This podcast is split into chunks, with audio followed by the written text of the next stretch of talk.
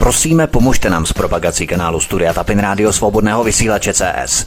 Pokud se vám tento nebo jiné pořady na tomto kanále líbí, klikněte na vaší obrazovce na tlačítko s nápisem Sdílet a vyberte sociální síť, na kterou pořad sdílíte. Jde o pouhých pár desítek sekund vašeho času. Děkujeme. Příjemný, krásný, dobrý večer, dámy a pánové, milí posluchači od mikrofonu svobodného vysílače nebo na kanále Odisí vás zdraví vítek. Jsme rádi, že jste si nás naladili i dnes ve středu po 19. hodině. Vítám vás při poslechu svobodného vysílače a dnes tady přivítáme naše dva dnešní hosty. Publicistka Míša Julišová. Míšo, vítej, ahoj. Vítej, pěkný večer přeju. A blogerka, nakladatelka Eva Hrindová. Evi, vítej, ahoj. Hezký večer všem. Eva Hrindová, stát plánuje zpřísnit pravidla pro fritování a smažení. Řízky, smažené síly nebo hranolky tak budou moci provozovatelé připravovat pouze v oleji, který bude splňovat určité parametry.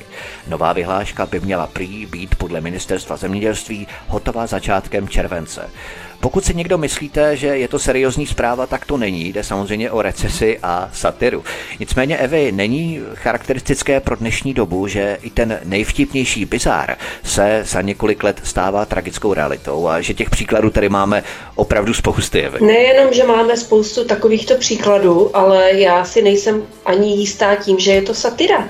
Protože já jsem včera nebo předevčírem viděla ve zprávách, hlavní spravodajské relaci reportáž, kde se k této vyhlášce vyjadřovali provozovatelé restaurací. Tak to není satira, Ježiši Maria. Mm, to jste ještě opravdu zaskočila teda. Já myslím, že to s humorem. Mm. No, no, no, opravdu, jako si myslím, oni se tam seriózně k tomu vyjadřovali, eh, mluvili o tom, že samozřejmě velké restaurace mají eh, jaksi sofistikované fritézy, které umí regulovat tu teplotu, ale nějaká menší zařízení eh, nemají 100 tisíc na to, aby si Jasně. koupili takovou, takovou fritézu a byla to no, normálně seriózní reportáž, kde se naprosto vážně o tomto hmm. problému bavili, ale já bych k tomu řekla jediné. Já bych k tomu řekla, řekla, ptali se samozřejmě i uh, ho, návštěvníků restaurací a ti jim na to odpovídali, že jim to úplně jedno, v jaké teplotě se co frituje, protože když jim to nebude chutná, tak to jídlo vrátí a už víckrát do té restaurace nepůjdou, což je samozřejmě nejlepší řešení tady tohoto problému. A tady tyto návrhy a tady tyto vyhlášky jsou důkazem jediného, eh, že čím absurdnější zákony ta společnost produkuje, tak tím blíže je svému konci. A já doufám, že ten konec se blíží mílovými kroky. Míše Julišová, asi by si nikdo nedovedl představit před deseti lety, že nás budou nutit jíst červy a míchat substrát z červů například do pečiva a hle, dnes je to tragická realita. Stejně tak jako nové paradigma o tom, že válka je mír, svoboda otroctví a další orvelovské repliky. Je ale škoda, že se tomu lidé už dneska zdravě nevysmějí jako totálnímu nesmyslu a místo toho hmm. opakují ty mantry jako nějakém eh, kolektivním tranzu nebo až hypnoze, že to je i v rámci toho smažení toho oleje. Před deseti lety, kdyby to někdo přikazoval nebo nějakým způsobem se nad tím zamýšlel, aby se tomu lidé vysmáli. Dnes mm-hmm. už ne, dnes se to bere jako Eva. Já jsem byl, že to je nějaká satira, ale to je skutečnost, tak to mě zaskočilo. Stejně jako v tom smažení, lidé se tomu nevysmějí, lidé to prostě berou vážně a to je na tom to nejhorší. To je právě zvláštní. A tím se vyznačuje pád civilizace, že takové ty absurdní, bizarní nesmysly, které jsou do očí bíjící a které připomínají nějakou i nepovedenou satiru, jsou myšleny vážně. Zároveň s tím pádem civilizace souvisí a probíhá jakoby nefunkčnost institucí a úřadu. Všechno trvá dlouho, je to vyřízené špatně, jo, nefungující zdravotnictví, jo, to máme všechno před sebou, tohle tok. E, nefungující školství, jo, prostě ty instituce, ta administrativa, všechno bude liknavé, e, korupce veliká, jo, všechno dlouho a tak dále. A přebírat ve veřejném prostoru se budou nesmyslná, bizarní témata, která budou myšlena naprosto vážně, například tady nějaké ty červy a tak dále. Takže to je, to je něco tak odporného a já pořád doufám, že to nemůžou myslet vážně přece tohle. To, tak jako kdo má zájem to jíst, tak ať to jí, ale nemohou tohle přece jako podstrkovat všem lidem, jo. Ono to násilí, násilí na lidech páchané se jako stupňuje i v takovýchhle naprosto úchylných šílenostech. Eva Hrindová, k těm červům se samozřejmě ještě vrátíme, protože oni to budou přimíchávat nikoli jako červy, jako kusovky, ale jako prášek nebo pastu právě do různých těst a produktů a tak dále. To je neuvěřitelné, to budou takto nabobtnávat vlastně ten, ten materiál. Mm. Nicméně k tomu se ještě vrátíme. V dalším tématu Eva Hrindová podobný scénář vidíme na Ukrajině. Mass media dokola tvrdí, že jde o válku Ukrajiny s Ruskem, ale my jako alternativa už od začátku tvrdíme, že jde o proxy válku mezi Amerikou a Ruskem, kde na ukrajinských životech eh, ani, co by se za nehet vešlo ani jedné z těch mocností. A naposledy Volodymyr Zelenský označil pád Bachmutu za největší porážku Ameriky. Ne Ukrajiny, ale Ameriky. Cituji. Nikdy jsem si nemyslel, že řeknu tato slova, ale dnes se za Ameriku opravdu stydím. Kapitulace Bachmutu je pro USA největší porážkou od Větnamu. Konec citace Volodymyra Zelenského, odkaz číslo 1 až 3. Na kanále Odyssey nepřiznal tím Zelenský to, co tvrdíme už od začátku konfliktu Evy v rámci té proxy války mezi Amerikou a Ruskem. To tady každý, každý o tom mluví. Samozřejmě, že, že to přiznal, ale tady takových podobných vyjádření nebo podobných uh, nevyvratitelných faktů se objevilo od začátku toho konfliktu už mnoho, ale když je někdo, někdo jednou sfanatizován a má vymitý mozek, tak mu můžete předkládat uh, tako, takovéto výroky nebo různá jiná vyjádření, jak na stříbrném podnose a stejně si pořád povede tu svou.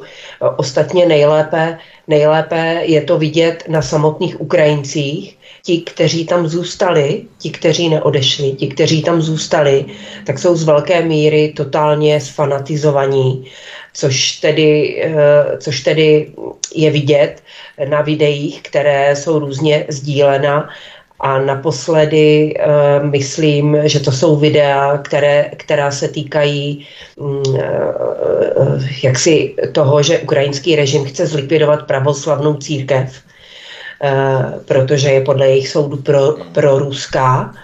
A já jsem viděla jedno video, kde stáli pokojně stojící, modlící se lidé před chrámem a proti ním stáli zahalení v ukrajinských vlajkách lidé v davu, Eh, většinou tedy mladšího věku a kteří tam úplně stejně, jako známe ty videa těch eh, řvoucích feministek a genderistek z Ameriky, tam prostě uh, úplně jak nějaké, jak nějaké opice, to se jinak ani říct nedá, řvali šíleně uh, a uh, štili síru na ty pokojně se modlící lidi. Uh, Eh, z toho jde opravdu hrůza.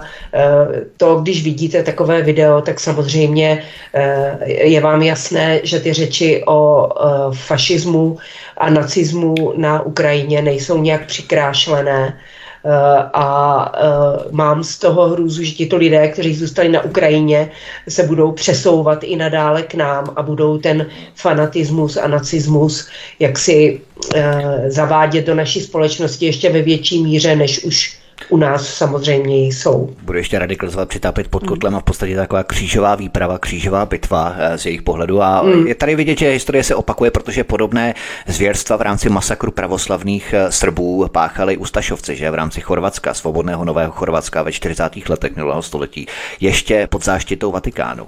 To je úplně stejné, analogicky stejné na Ukrajině. Já bych chtěla připomenout, anebo vzpomenout na Tomáše Háse, eh, který na nacismus, ten, na, ten na něj upozorňoval ještě před Majdanem, vedl velké spory s členy ODS, protože on v tu dobu byl členem ODS, který byl postupně vyštván eh, z ODS. Hodně, hodně vedl spory eh, se senátorem Štětinou, který vozil tady příslušníky Azova do, do České republiky a dokonce snad je protahoval senátem a podobně. Takže on na tyto věci upozorňoval a měl je velmi dobře zdokumentované ještě před Majdanem. Takže tam, tam to všechno bylo, my jsme hmm. to přehlíželi, tady se to hodně bagatelizovalo uh-huh. a, a když vlastně toto si dáte do souvislostí, tak se ani tomu Rusku nemůžete divit, že tedy přistoupilo k nějakým razantním krokům, protože tam, tam skutečně ta ruská velmi silná menšina eh, eh, byla ohrožena na životě. Tady, oni tam na ně házeli bomby. Já jsem teď dokonce viděla nějaký film, nějaký dokument eh, americké, tuším, proveni, provenience nebo nějak tak prostě ten reportér mluvil anglicky, eh, tak Bůh ví, odkud to bylo. Mm, a ten, ten teda měl oči na vrch hlavy, protože on říkal, prosím vás, o co tady Ukrajina bojuje? Vždyť oni bojují o nějaké území, které obsadilo Rusko, ale ti lidé, kteří na tom území žijí, v žádném případě se nechtějí vrátit k Ukrajině. Tak o co tady ta Ukrajina vede, ten, o jaké území bojuje, když jak na Krymu, tak v Doněcku, v Luhansku je velmi silně pro ruské obyvatelstvo, které bylo zrazeno Ukrajinou, protože Ukrajina na ně háže bomby. Oni hmm. se nechtějí vrátit k Ukrajině. Takže, ale to, takto samozřejmě o tom konfliktu se takto v našich médiích nemluví a velmi úspěšně se pokračuje ve vymývání mozku českých obyvatel. Tak, tak ale kdo chce, hmm. tak si ty informace najde a je na nás, aby jsme je dál šířili. No tak právě to osvěžující. americkou linii, že jo, takže tak, to je jednoznačná. To, to je, je právě to osvěžující, jak přijde někdo z jiné perspektivy, z vyšší perspektivy, vidí ten konflikt úplně čistým způsobem, tak jak to opravdu je.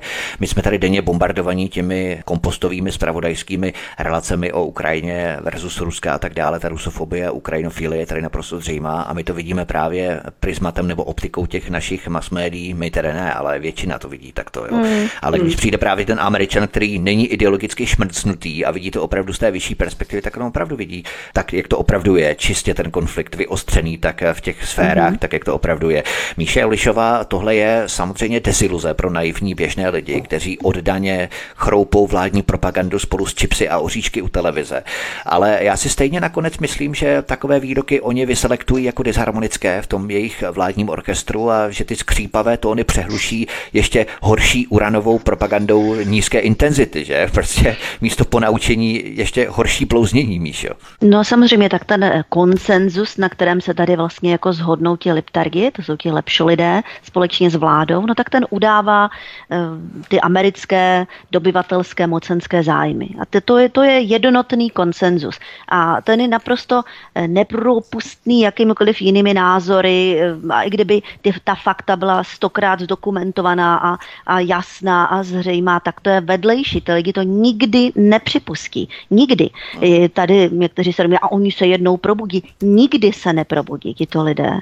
Jo, bohužel, jo. Oni jsou v tom zajetí, jsou jak zhypnotizovaní, ano, jsou v tom zajetí toho koncenzu, toho kolektivního koncenzu, jak sekta. To je jako kdybyste chtěli po nějakým eh, člověku, který uvízl v nějaké seky, aby se z ní probral. Ano, občas se to stane, ale to jsou naprosté výjimky. Jo, většina lidí, kteří upadnou do sekty, tak tam prostě se trvávají, tohle je tomu hodně podobné principiálně. Takže oni vlastně sdílí jednotně tady ten narrativ, jak se říká moderně, a je naprosto marné očekávat od nich, že na nějakým, nějakými fakty, která jsou naprosto nepopíratelná, že nějak je zlomíme, přesvědčíme nebo něco takového, to je zbytečné.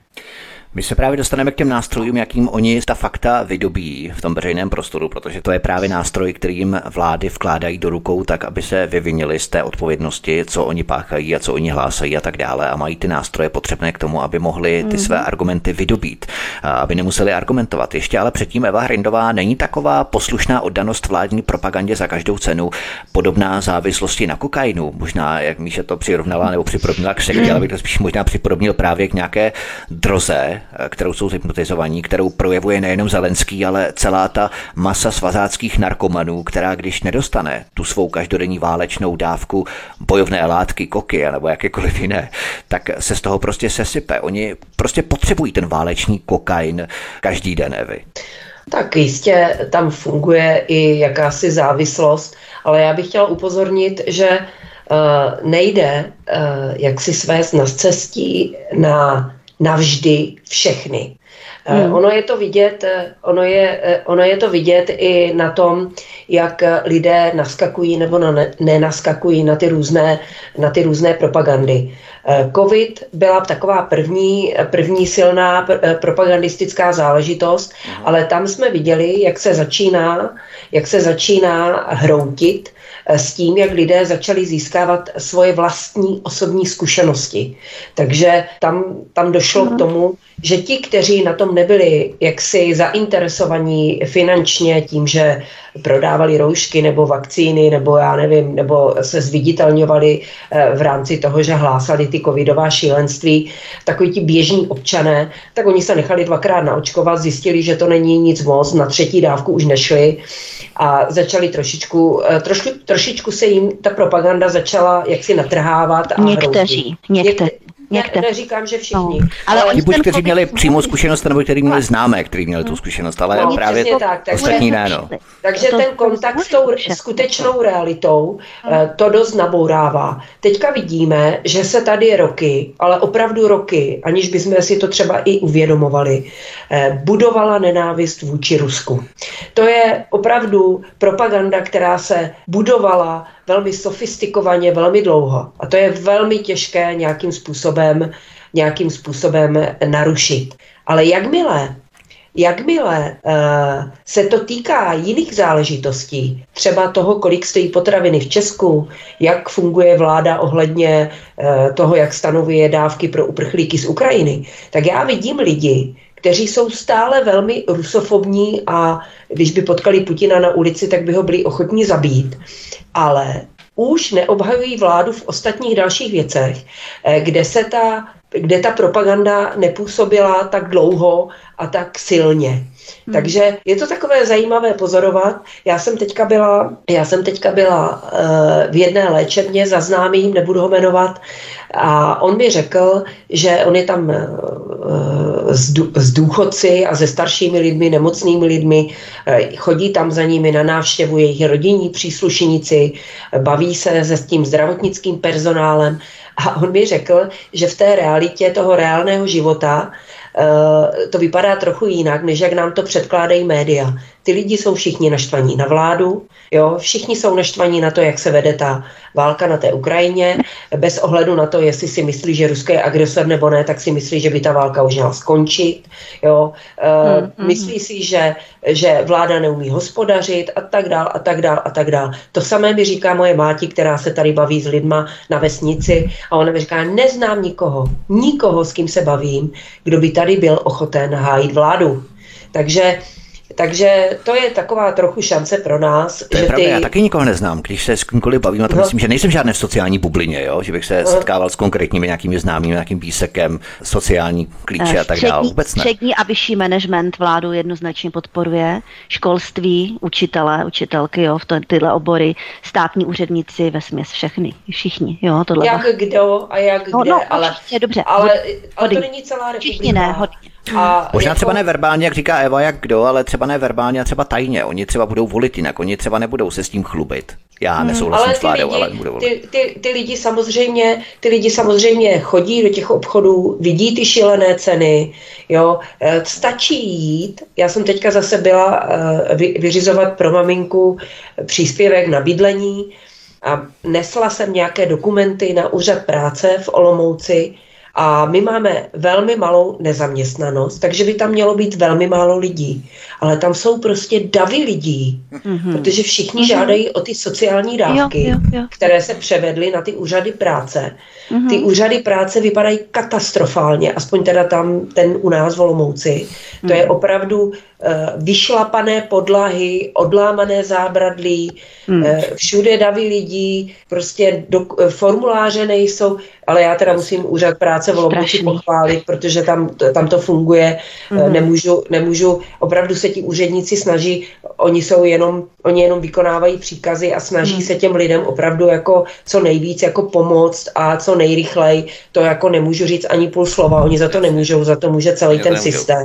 Mm. Takže takže to stačí fakt jako se zajít na ten úřad práce podívat, zajít se podívat na ty ceny a ono se vám to, pokud nemáte vymítej mozek a ohledně fungování vlády v těchto oblastech, ta propaganda není tak silná, hmm. tak těm lidem to docvakává. Jo. Ale uh, musíme být vděční i za, i za tady teď toto, takže když tady uh, můj známý jako nadává na vládu, ale zároveň jedním uchem nadává i na Putina a nechal se naočkovat, no tak jako Uh, musíme, no, musíme no, no. Jak, ty, jak ta kapka vody, když kapá na, eh, do toho kamene, tak tam nakonec tu dílku jako vykapá, no, tak asi hmm. tak. Tak, ten krápník tam pořád bude růst, stalagnit no. a tak dále. Přesně o tom hovořila Míša vlastně minulý pořád, veď? Míša, ty jsi vlastně hovořila hmm. o tom, že se jedná o narůstající tendenci právě v rámci těchto kruhů. Míša Javlišová, my se tady bavíme o různých označeních a nálepkách, kdy vládní propaganda vymýšlí nové termíny, aby se pokusila zesměšnit nebo znemožnit své oponenty infantilní infantilními nálepkami. Nejsou takové laciné nálepky chci mír, chci válek a tak dál, dezolát. Nejsou takovým projevem absence víry v lidech, protože člověk, který celý život vyznává nějaké pevné zásady, rámce, přesvědčení, se nenechá tak snadno strhnout podobnou fašírkou a dětinskou propagandou nálepek. Zatímco člověk, hmm. který nemá žádné ukotvení, který je, řekněme, mentálně nestabilní, roztěkaný, tak se nechá lehce strhnout pro novou falešnou víru v podobě válečných ano. bubnů. Dříve to byly bubny covidové nebo bubny migrační hmm. a tak dál. Vždycky je hmm. jednodušší ho naverbovat, protože je to člověk, který je vykořeněný a který nemá své pevné zásady.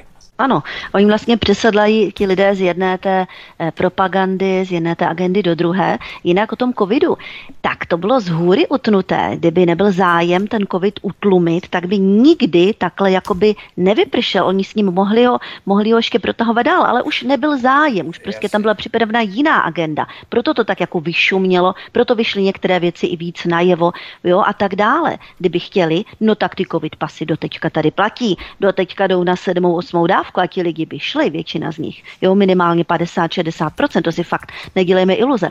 Oni to ukončili. Covid byl ukončen, byl ukončen z hůry, eh, to, co měl jakoby smyslem toho, té agendy, to znamená nějaký takový psychologický a jiný test eh, veřejnosti, tak to proběhlo a započala další agenda, agenda ukrajinismus, eh, na tu se samozřejmě naprostá většina covidistů vrhla, ne všichni, ale říkám většina a prostě zase se uhnízdili tady v té vládní propagandě, zase přejali ty názory názory. Co se týče toho nálepkování, no tak kdo s tím začal?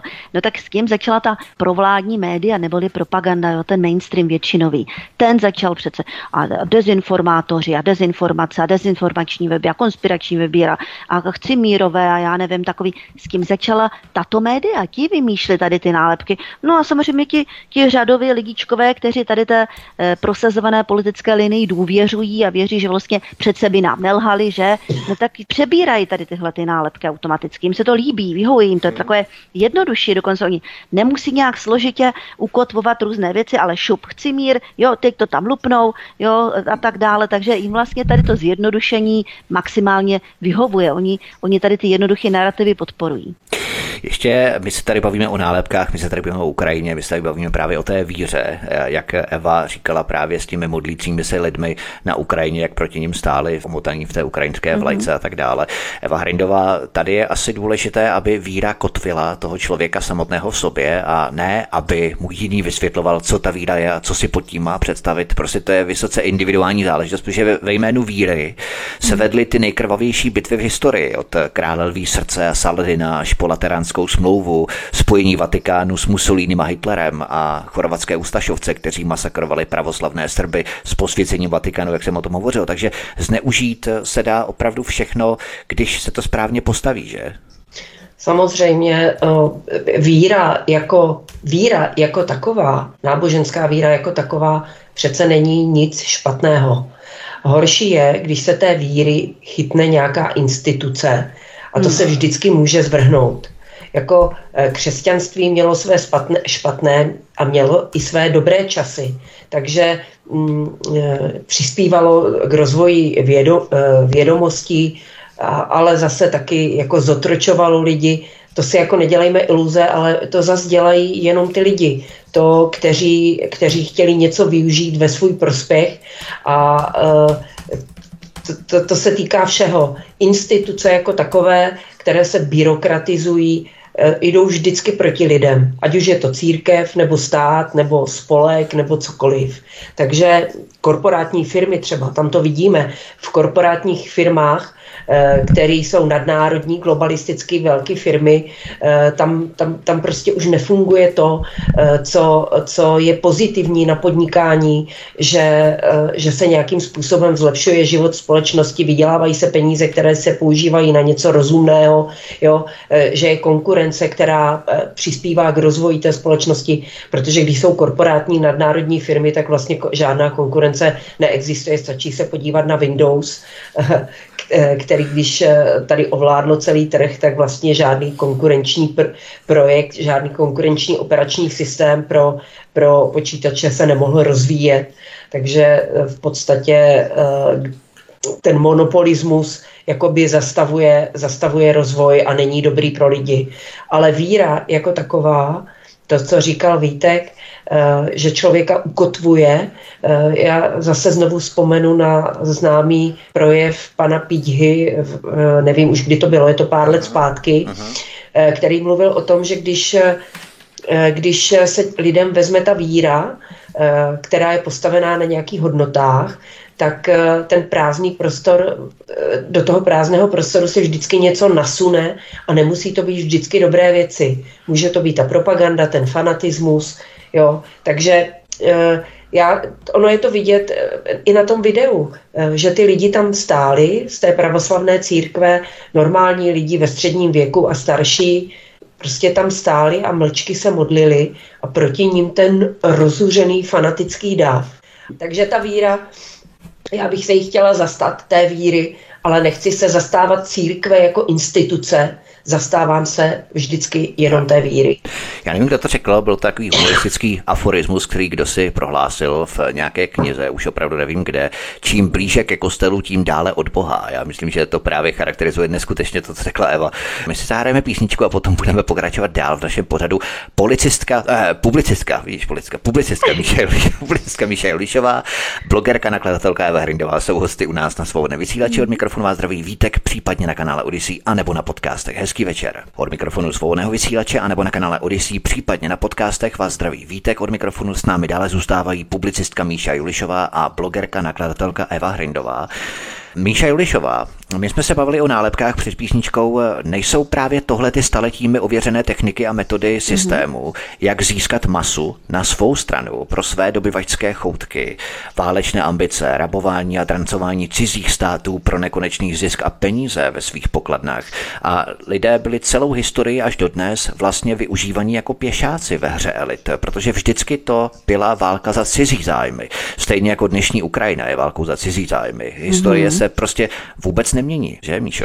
No nemění, mění se nám technologie, mění se nám vlastně eh, další další generace, ale samozřejmě sofistikují se všechny tady, tady, tady ty manipulativní metody, no, to, to nálepkování, to o, ta sugestce těch lidí, eh, které jim vlastně denodenně ta propaganda podsunuje, ty jediné správné pravdy. A teďka oni jsou v tom zaparkovaní a kdyby někdo eh, se z toho jako náhodou nějak trošku vymanil, vznesl nějaký sebemenší dotaz, tak okamžitě prostě se na ten zbytek vrhne, vyobcuje ho z té, z té jejich eh, kolektivního vědomí, liberálního, oni si říkají liberálové, liberálního vědomí, no a pak se musí Safra snažit takový člověk, aby ho vzali zpátky a to ještě nemá jistotu, jestli nebude eh, označen jako nějaký takový, tak, takový člověk, eh, na kterého si musí dávat pozor, aby ostatní náhodou nenapadlo eh, zase pokládat nějaké nevhodné kritické otázky a tím pádem ještě víc je totalizovat. Jo? Tohle toto, tohle toto probíhalo, tomu se potom říkalo poučení z krizového vývoje. Jo? To vlastně i v těch 70. letech, kdy vlastně některé oni ty skalní a velmi věrné komunisty označili za zrádce. A to nebylo jako pro zbytek společnosti, to bylo pro ty komunisty, aby oni se stmelili, aby oni dostali taky strach cokoliv kritizovat.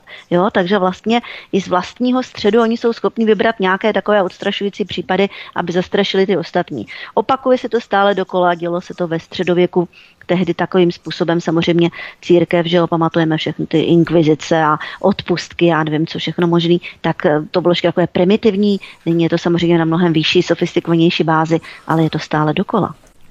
Eva Rindová, nezřekla se současná společnost jakéhosi třídního dělení a tento do určité míry kastovní systém, který se dělil podle, já nevím, sociálního klíče, generačního klíče, genderového klíče, profesního klíče a tak dál, tak teď tento systém mizí a začíná se prosazovat nové rozdělování na právě ty nálepky, jako tom hovořila Míša, což je do určité míry jednodušší místo složitého zesměšňování profesní kvalifikace protivníka nebo oponenta, tak ho stačí označit jednoduchou dětinskou nálepkou dezinformátor, hoaxer, chcimír. Jo, a mám vystaráno, neubírá se společnost tímto směrem, v podstatě, kdy se zjednodušuje a je takto vlastně možné odrovnat protivníka hned na první dobrou jedním slůvkem. To je přece báječné, ne?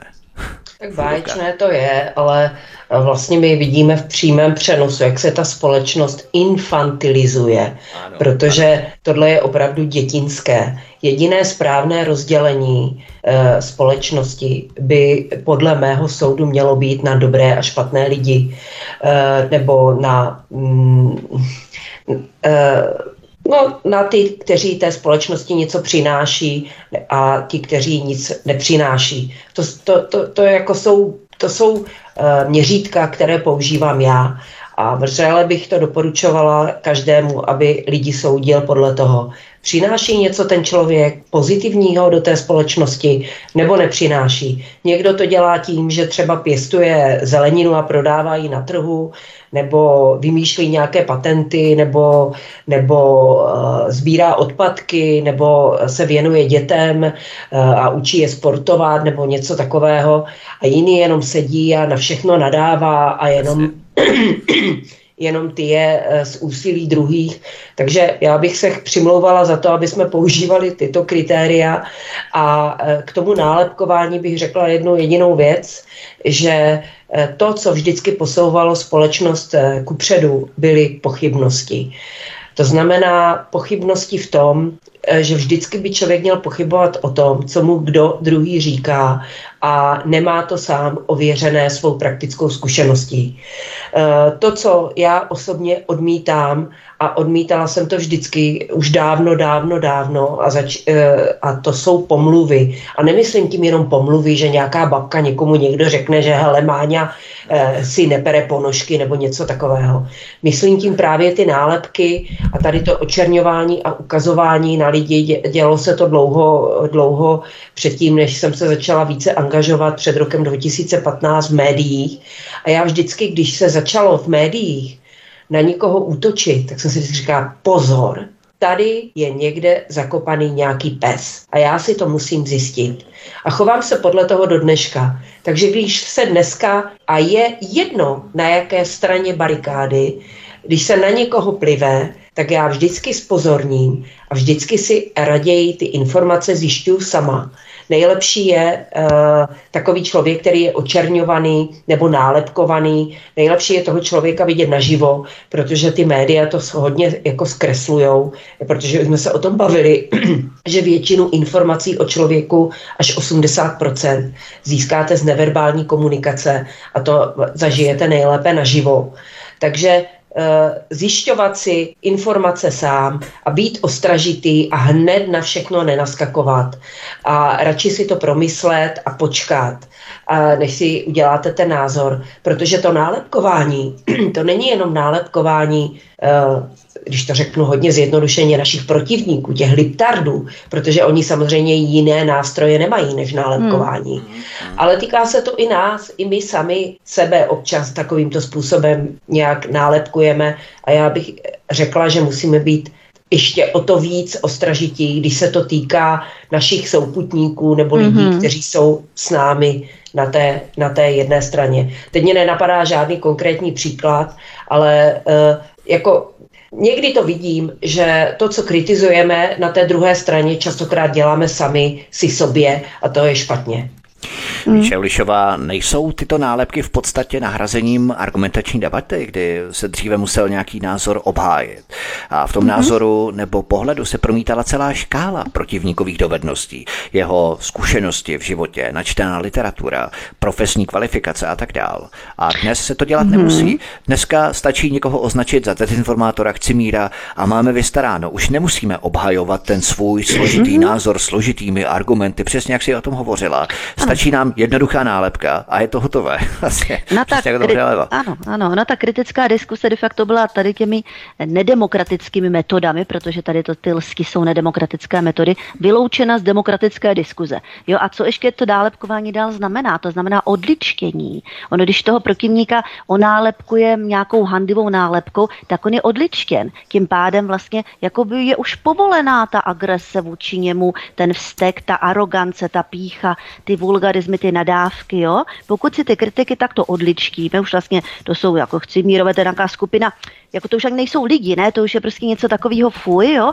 no tak to už jsme povinní vyloženě nějakým způsobem nenávidět a vulgárně se k ním chovat a, a po případě mm, dále je nějakými represemi týrat a tak dále, jo. Takže ono to postupně spěje k tomu odličtění té kritické scény. Takové to zjednodušení, jo, proto se, se ty nálepky takové ošklivé, aby si je zošklivili vlastně tady ti liptargi, tady ti e, lepší lidé a už potom bylo pro ně snazší na ně jakkoliv útočit. Eva Hrindová, Míše tady hovořila o legitimizaci vulgarity a agresivity a v podstatě odličtění protivníků. Není tohle nálepkování určitým znakem stále chučí mentální a řekněme inteligenční vybavenosti vládních svazáků a poskoků? Oni v hloubi duše vědí, že by pohořeli, kdyby se měli seriózně utkat v nějaké debatě s protivníkem, že by neobstáli, že by to prostě nezvládli, projeli by to v plné čáře, tak tohle nálepkování pro ně představuje jakýsi štít, za který schovají svou dětinskou mentalitu a nízkou inteligenci. Eh, je to taková, řekněme, kouřová clona. Čím jsem hloupější, tím budu agresivnější a budu více nálepkovat, abych tu svou hloupost zakryl a aby ji nikdo neodhalil. A to je v podstatě základ toho všeho nálepkování, Evy.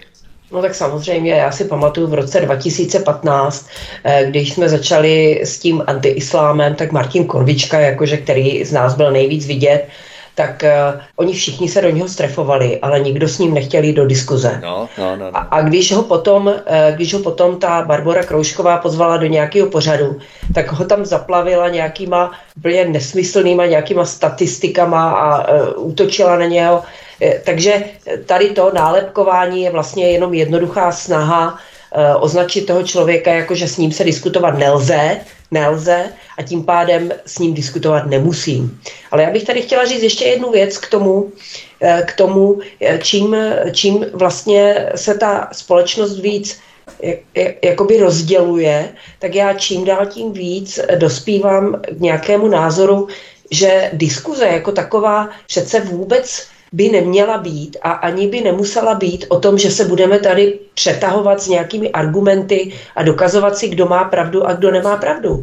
Podle mě ta diskuze by měla vypadat úplně jinak. Tady, samozřejmě, když se, když se bavíme o tom, jak naplnit nebo nenaplnit rozpočet, tak jsou některé věci, které jsou v, v režimu těch faktů a tam, tam opravdu to jde, ale hodnotové věci anebo názorové věci, Eh, postojí k míru nebo k válce, eh, to, tam přece to vůbec není v režimu pravda lež. A když se s někým bavíme, kdo má jiný názor, tak jediné, co my máme dělat, my si ho máme opravdu vyslechnout a přemýšlet o jeho argumentech, jestli náhodou tam třeba není něco, co by nás mohlo inspirovat a jedině tak my si ten svůj názor můžeme tříbit a dospět k nějakému, nechci říct kompromisu, ale k nějakému pochopení té druhé strany.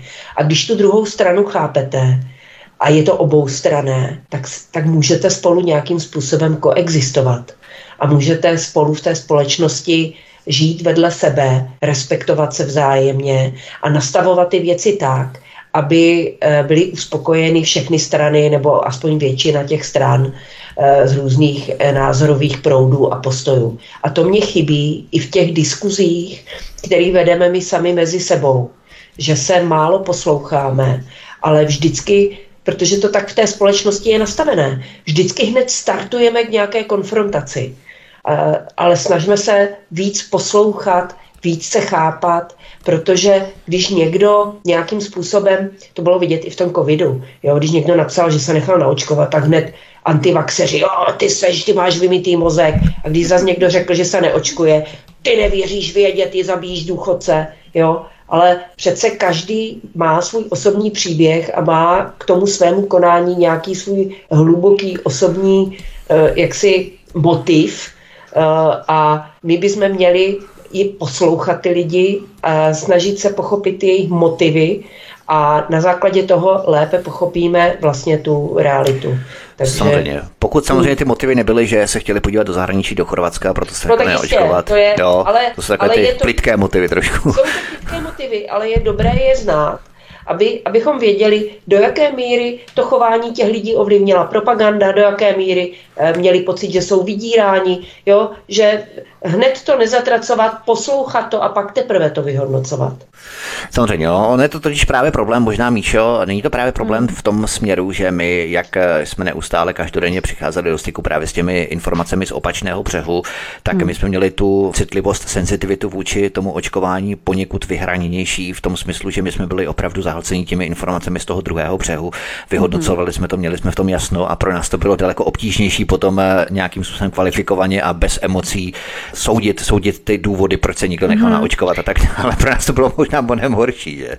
No, tam byl hlavně ten tlak, že jo, my jsme nikam nesměli, člověk měl strach, jestli když je neočkovaný, jestli bude moct pokračovat v zaměstnání, v práci, jestli bude jít nakoupit, jestli, já nevím, bude moct uh, díky pokračovat ve studiu, když se nechy neočkovat, protože samozřejmě ano, ten ano. nátlak, ta agrese vůči neočkovaným se strašným způsobem stupňovala. Byli dehonestováni, soustavně v médiích bylo lidem uh, vysvětlováno, jak my je ničíme, zabijíme, vlastně teďka už by bylo dávno pryč všechno, ale my za to můžeme, jsme nezodpovědní, špatní. To znamená, že ten ohromný tlak vůči nám byl strašný a strašným způsobem sílil. Takže já si myslím, že jsme z toho ještě vybroslili secký a velice skvěle, protože eh, já teda můžu říct, že už jsem na tom světě dlouho, ale tak ohromný tlak, vyloženě totalitářský, který se během toho covidismu na nás eh, ze strany vlády a všech těch, kteří eh, tu vládní politiku poslouchali, věřili, kteří vytvářeli, tak s tím jsem se doposava teda nesetkala. A bylo to teda ohromně, ohromný memento, pro mě mám strach, teď ano, přiznám se, mám strach, protože jsem zjistila, že to lze a teď mám strach, že to může kdykoliv opakovat v nějaké inovované nebo trošku jiné verzi. Už to nebude očkování, bude to něco jiného, já teď nevím co, ale no. něco jiného zase vymyslí, jo? jo a můžu... toho tak mám zase nějaká nová, nová agenda, Evy. Nová můžu... agenda. Mhm. Já teda eh, musím říct, že já jsem jako se nebála, já jsem já sama osobně, ale protože já pracuji doma a ne, ne, nepotřebuju chodit do multikina nebo, nebo jezdit do zahraničí na dovolenou, Eh, nebo do restaurace. Takže já sama jsem se pod tlakem necítila, protože jsem věděla, že v žádném případě si do sebe nenechám nic píchnout, s čím, eh, co důkladně neznám a s čím nesouhlasím. Jo, to já jsem ale, taky, ale mě ale tam hrozilo, jo, že bych ale, mohla Já jsem samozřejmě obavy právě i v rámci třeba holiče, kadeřníka, že si nemohl dojít ani ke kadeřníkovi. Jo, no to taky, no, tak to, bylo, to bylo šílené. To já od té doby jsem si nechala růst vlasy a už ke kadeřníkovi nechodím, ale to je jedno. Takže, ale dovedu pochopit, že spousta lidí se pod tlakem cítila. Ale já hmm. teďka, já, já nevím jak vy, ale já teď cítím stejný tlak, eh, i když samozřejmě není to tak osobní, ale nemůžete dneska nic říct o Rusku. Nemůžete nikomu, mm-hmm. Nikomu říct, jako mě zajímá Rusko, mě, mě je sympatická třeba ta pravoslavná církev, protože to mají trochu nastavené jinak, jak uh, křesťanství. Nemůžete o tom otevřeně debatovat, nemůžete projevit sympatie Rusku, jo, nemůžete. Eh, co se strhlo to musím říct, co se strhlo, jak bylo na té demonstraci minulé, nějaký lidi s, těm, s tím zetkem a s nějakýma mm. nálepkama. To mně přijde úplně absurdní, mm. aby někdo tady je soudil za to, že měli něco. Jako. To je strašný, naprosto. A to, to je že, strašný. Mm. A to musím říct, a to, že strana pro eh, nějakým způsobem na to naskočila, já tomu rozumím, proč na to naskočila mm. a chápu to, protože jako na, namalovat si hned na začátku své činnosti terč na čelo a nechat se, nechat se prostě zlikvidovat eh, prostě, že to byla nějaká snaha, prostě nenechat se zatlačit a nenechat se hned onálepkovat, ale ano, ano. prostě pro mě to je důkaz toho, že to, co se tady teďka děje s Ruskem, Eh, je vlastně na stejné úrovni, je, jako, je. jako, když se podívejte na ty sportovce, co oni uh-huh. říkají, jako to, že Dominik Hašek uh, trefený pukem mele nesmysly si tady nemusíme říkat, ale jakože nesmí ruští sportovci. Nebo Petra Kvitová, co řekla hmm. na ruské sportovce. To, to je prostě... To jsem nezaznamenal, jsem tam Davida Svobodu, to si myslím, hmm. že na to naskočí. Ale Petra no, Kvitová, jasně. co řekla Petra Kvitová? Petra to Kvitová, jsem nezaznamenal. Eh, něco, já teďka nebudu jí dávat do úst něco, co neřekla, ale řekla něco v tom duchu, že snad ti sportovci na té olympiádě nemají být, nebo něco hmm, takového. Hmm, něco takového. No, to, to si můžou lidi dohledat. Podpořila tady tu, tady tuhletu tady tu rusofobní notu. Buď to ty lidi dělají proto, eh, ale vzpomeňme si, já si to pamatuju, když, eh, byly, když byla olympiáda eh, v Los Angeles a naši sportovci tam nejeli. Mm-hmm. A to, co taky říkali v médiích, jako že uh, taky byli přinuceni tím systémem nějakým způsobem jít proti té své přirozenosti, soutěžit o ty medaile a být nejlepší na světě a na, a, a na olympiádě. Do Ruska taky nejeli sportovci nějací. Takže my jsme hmm. teďka vlastně uh, v podobné, v podobné atmosféře, jako byla v těch 80. letech, kdy byla ano. vrcholící studená válka a projevilo se to i na těch olympiádách, tak teďka se děje v podstatě to samé. Ano, ty totality jsou si podobné jako jako vejce vejci v těch principech, ano. A pro mě opravdu, já jsem velmi svobodomyslný člověk, který se nebojí říkat věci tak, jak jsou. Ale opravdu, když něco píšu nebo říkám, tak uh, si trošku dávám pozor, abych úplně uh, ze, ze sebe právě nedělala ten terč hmm. a to je podle mého soudu strašně špatně. A hlavně si dávám pozor, když se bavím s nějakýma cizíma lidma, protože nikdy nevíte, jestli proti vám nestojí náhodou fanatik, i když se tak nemusí jevit, hmm. který vás okamžitě odsoudí, eh, jenom, jenom už, už to je dost, že když dělám přednášky o hmm. alternativní medicíně, takže si musím hodně dávat pozor na to, co říkám ohledně farmaceutických firm, mm. protože nikdy nevíte, jestli v publiku nesedí někdo, kdo tomu věří jako slovu božímu. Jo? Takže takže v tomto, v tomto já vidím, že ten covidismus se přetavil do toho ukrajinismu a ano. kdo není nepřítel Ruska, tak je nepřítel celé společnosti. A e, je to cenzura jako prase, jako, no, je to totalita. My jsme se o tom bavili v našich minulých pořadech, že kdo fandil covidu, tak fandí Ukrajině. V podstatě je to pořád stejný princip. Lidé oddaně slouží propagandě a přikivují veškeré vládní propagandě. Je to naprosto nimlich to samé.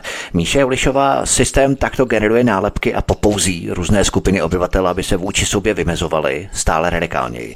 Myslíš, že přesně podle tohoto schématu přitápí pod kotlem i česká spořitelna, která odmítla sponzorovat vysokou školu ekonomickou, ve které vyučuje Miroslav Ševčík, že to je také velmi brutální nátlaková metoda, řekněme z té ekonomické perspektivy. No tak to už právě, to jsou to je ta metoda toho středního a vyššího managementu. Ti jsou zaparkovaní velice oddaně, přesně a naprosto dokonale tady v té prosazované pro systémové politické linii ve všech tady těch politických agendách, ať je to covidismus, ukrajinismus a nebo kterýkoliv další. No a ti manažéři na té střední a vyšší úrovni potom už aktivně, aktivisticky oddaně už vymýšlí sami eh, tady tyhle ty různé proklamace, k komu se přidat, co podporovat, co nepodporovat a očekávají, že budou ještě výš a lépe zaparkovaní v tom systému. Jo? Tohle toto je všechno založené na této bázi. Já nevěřím tomu, že ti manažeři na ty nejvyšší úrovni, kteří tady toto vymysleli, jak si Vítku říkal, eh, že tomu nějak konkrétně ti tomu nějak oddaně věří, že jsou takový, takový opravdu věřící tady pro tohle. Oni očekávají něco, něco že se ještě pak bude ředitel České spořitelny, když takhle správně se bude vyjadřovat pro systémově a tak dále. Jo, prostě očekávají vyšší funkci. No a potom, eh, jak to padá dolů, tak střední management přikivuje, samozřejmě, jak jinak, že ten se zase bojí o své funkce, protože je taky dobře placený. No a nižší management, jak by smet? Jako jaká je další varianta, když odejdou z nějakých těch míst, kde má, já nevím, 50 nebo 100 tisíc? No tak další varianta je pracovat někde, já nevím, supermarketu a chodit, jak už jsme se hnedka bavili z kraje, na ty úřady práce si pro nějaké doplatky na bydlení, protože, a to je také zajímavé, jak je možné, že tolik pracujících lidí si chodí pro různé příspěvky na bydlení a já nevím, na co všechno možné, to mají tak nízké platy, jako to, jsou, to je u nás pořád tolik lidí s tak nízkými platy, že přesto, že pracují, tak si ne, nevydělají dost aby eh, jako dos, že dosáhnou na ty sociální dávky. To je teda taky hodně zajímavé. Jo? Takže každý v těm nižším, středním i vyšším managementu jsou takový lojální, protože si prostě snaží udržet ta své místa, tak se radši o ta fakta ani moc nezajímají. Reggae budou oddaní, jo, já to vidím, vidím to kolem sebe tady tohle, toto bohužel. No. Myslíš, Evi, ta hrozba té ekonomické likvidace nebo toho ekonomického nátlaku v rámci určité ideologie, která se přetřezuje před standardní lidské uvažování nebo normální lidské uvažování, nebo spíš svobodné, bych řekl, lidské uvažování, tak to je v podstatě záležitost České banky, ani ne tak České banky, jako spíš České spořitelny nebo Rakouské banky. Myslíš, že je to ojedinělý exces u nás, který vzešel z Česka, že se to u nás už nebude opakovat, že to prostě oni si testují, no, a nebo že no. to může vzejít třeba i ze zahraničí, z konotace třeba z Rakouska Rakouska, protože Rakušanům přece taky záleží na dobrém jménu a ziscích té své banky, že? No, já si myslím, že to, uh, i když je to nadnárodní, globální, korporátní firma, tak uh, oni Oni ale taky jsou závislí eh, na tom, aby měli tady co nejvíce klientů. No právě. A stalo se eh, ča- častokrát eh, jsou tyto kroky, které demonstrují tu, tu servilnost vůči tomu režimu, častokrát jsou tyto kroky vynucené velmi hlasitou aktivistickou klakou, a to se stalo přesně v té spořitelně, protože na Twitteru a na sociálních sítích různí aktivisté útočili na Českou spořitelnu ohledně jejího sponzorování Vysoké školy ekonomické. Mhm. A tak eh, tam ti poskoci, kteří spravují jejich Twitterový účet, na to zareagovali eh, tím nešťastným způsobem, který všichni známe. A pak se stalo to, že mnoho malých střadatelů Eh, prostě ukončilo smlouvu a přešlo do jiné banky.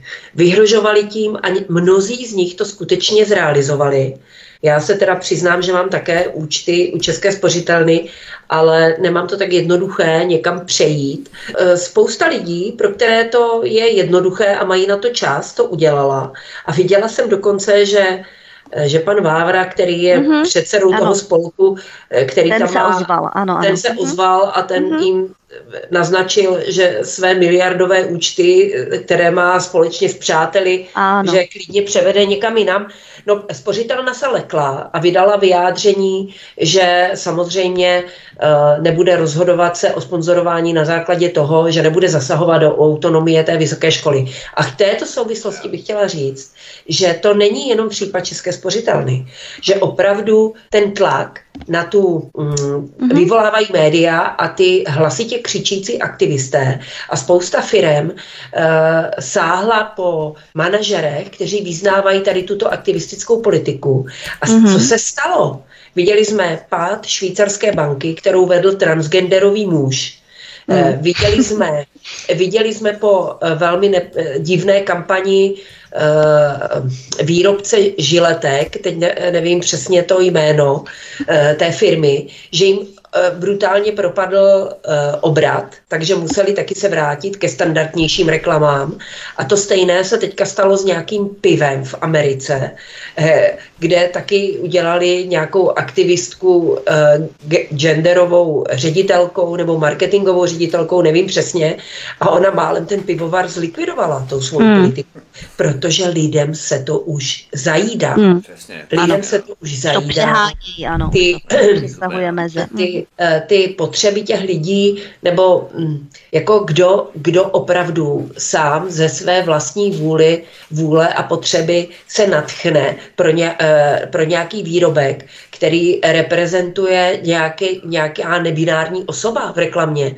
Lidi chtějí v reklamě vidět hezké věci, Jistě. Eh, milé věci, nekonfliktní a ne nějaké nějaké obézní modelky hmm. a transgenderové postavy. Teď jsem viděla, že nějaký, vráceny, že, no, že nějaký výrobce hmm. spodního prádla jako hlavní modelku, eh, která prezentuje krajkové spodní ženské prádlo, eh, angažoval nějakého nějakého muže.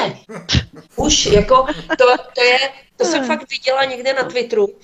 A už, už je to přes čáru, už to těm lidem začíná vadit. A to je přesně to, co jsem, na co jsem upozorňovala, že ve spoustě věcích, eh, jak ta propaganda narazí na ty, na ty osobní eh, věci, na tu osobní nebo na tu interní intimitu a mm-hmm. intuici, protože to, že žena má ráda muže, chce mít rodinu a dítě, to jsou, až bych řekla, atavistické pudy. Mm. A to prostě nějací pitomci v reklamní agentuře nemají šanci nikdy přerazit. A když to začnou moc těm lidem vnucovat, tak ono se to přejí. A ty lidi to začnou odmítat a já si myslím, že už se to děje. Že už mm. to ty lidi začínají. Bohužel zatím se to neprojevuje v tom, že by naše pětikoaliční vláda podala demisi. To asi mm. To jsme příliš moc vepředu. Ale ten zvrat já už té společnosti celosvětově jako cítím. Ano, je potřeba dát když tady... ten odpor, ano, k tomu. Tak, mm-hmm. přesně tak. Já si pamatuju, když tady začínal právě Prague Pride v roce 2011-2012, tak jsem se bavil s Michalem Semínem, oni právě dělali v rámci dostáků, v rámci akce dost, tak eh, totiž ten první nebo druhý Prague Pride sponzoroval nějaký pivovar. A teď nevím, jestli to byl Budvar nebo jestli to byl Gambrinus, nějaký pivovar a oni si právě z toho udělali velmi dobrou legraci, že mají teplé pivo. a bylo to velmi dobré, bylo to velmi účinná taková reklama, jo, že opravdu všichni viděli ten pivovar, proč pro boha pivovar podporuje Prague Pride, k čemu jim to je, jo, to teplý pivo opravdu nikdo není, nepije. Jo. No, to není vůbec jejich cílová skupina a marketingově to nemá žádný smysl, no. Publicistka Míša Ulišová a blogerka nakladatelka Eva Hrindová jsou hosty u nás na svobodném vysílači od mikrofonu vás zdraví vítek. My si zahrajeme písničku a potom budeme pokračovat dál v našem povídání. Hezký večer. Od mikrofonu svobodného vysílače nebo na kanále Odyssey, případně na podcastech vás zdraví vítek. Společně s námi našimi hosty zůstávají stále publicistka Míša Julišová a blogerka nakladatelka Eva Hrindová.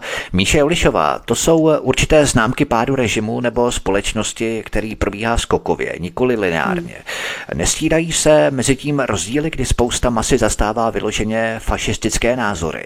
A přitom si zároveň myslí, jací jsou vzorní demokraté, že ten rozdíl je stále méně patrný. My jsme se tady bavili právě o té propagandě a tak dále. Lidé by mm-hmm. neustále něco zakazovali, přikazovali, ale zároveň si myslí, jací jsou úžasní demokraté. Mm, ale to byli ti jejich předchůdci také. Vždyť oni v těch 30. letech přece také si mysleli, že budují lepší, nový, krásný svět.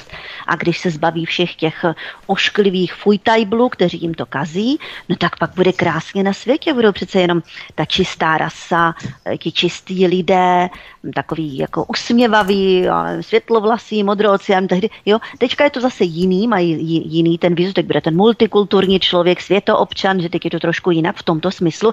Nicméně ten princip je stejný. Už zase jsou tady ti lepší lidé, oni se nebudou zabývat něma nějaký těmi fuj, škaredými eh, tématy, oni se zajímají o tu ekologii. Jak zachránit tu planetu Zemi, když jim ti dezoláti tady tak ničí. Ano, to je potřeba ty dezoláty nějak ta, prostě někam zavřít, zlikvidovat něco s něma udělat, to je jedno co, ale nějak budou tlačit na to, aby se jich zbavili. Potom ty gendry, jo, no tak samozřejmě těm všichni musí mít prostě strašně moc práv, jo, a, a dokonce vyšší práva než většinová společnost, to je také hrozně zajímá. No ten multikulturalismus, ano, tak pozvat sem ještě co nejvíce lidí a pak tady bude krásně. Jenom ti dezoláti, kteří to kritizují, ti jim to kazí, ano, takže těch je potřeba se nějak zbavit, ti dostávají ty ošklivé nálepky aby je odličtili, aby proti ním poštvali tu společnost, která to takhle není schopna si analyzovat eh, logicky a potom odznačí určité už lidi, jo, nevím, tom teďka dneska na tom Václav Skanovecký, to jsou dezoláti, to jsou chcimírové, těch nálepek bude víc. A teď ten správný občan, který sedí večeru to zpráv, si řekne, aha, tak celá tato skupina hodí je všechny do jednoho pytle, to jsou ti bezzubáci, exekuce mají, mm-hmm, většině nezaměstnaných, no, milují Rusko, no samozřejmě, protože jsou závistiví, oni nepřejí těm lepším lidem vlastně ty výborné platy a to, a to osvícené myšlení a tak dále. Takhle se pracuje s tou manipulací s těmi lidmi. No. Hmm. Eva Hrindová, jak o tom hovořila Míša, nejsme jenom krok před tím, než vedle systémové vládní propagandy začnou i korporace rozdělovat své služby a produkty pro, řekněme, progresivisty nebo konzervativce. Nebo tam, myslíš, vítězí opravdu ta řeč peněz, že jim zůstane jedno, kdo od nich nakupuje, hlavně když to takzvaně sype, hlavně když toho točí vejvar nějaký. A tak toto opravdu nebude, jak jsme se bavili i před písničkou v rámci těch různých propagand, které jsou naroubované právě na firmy, které s tím absolutně nesouvisejí.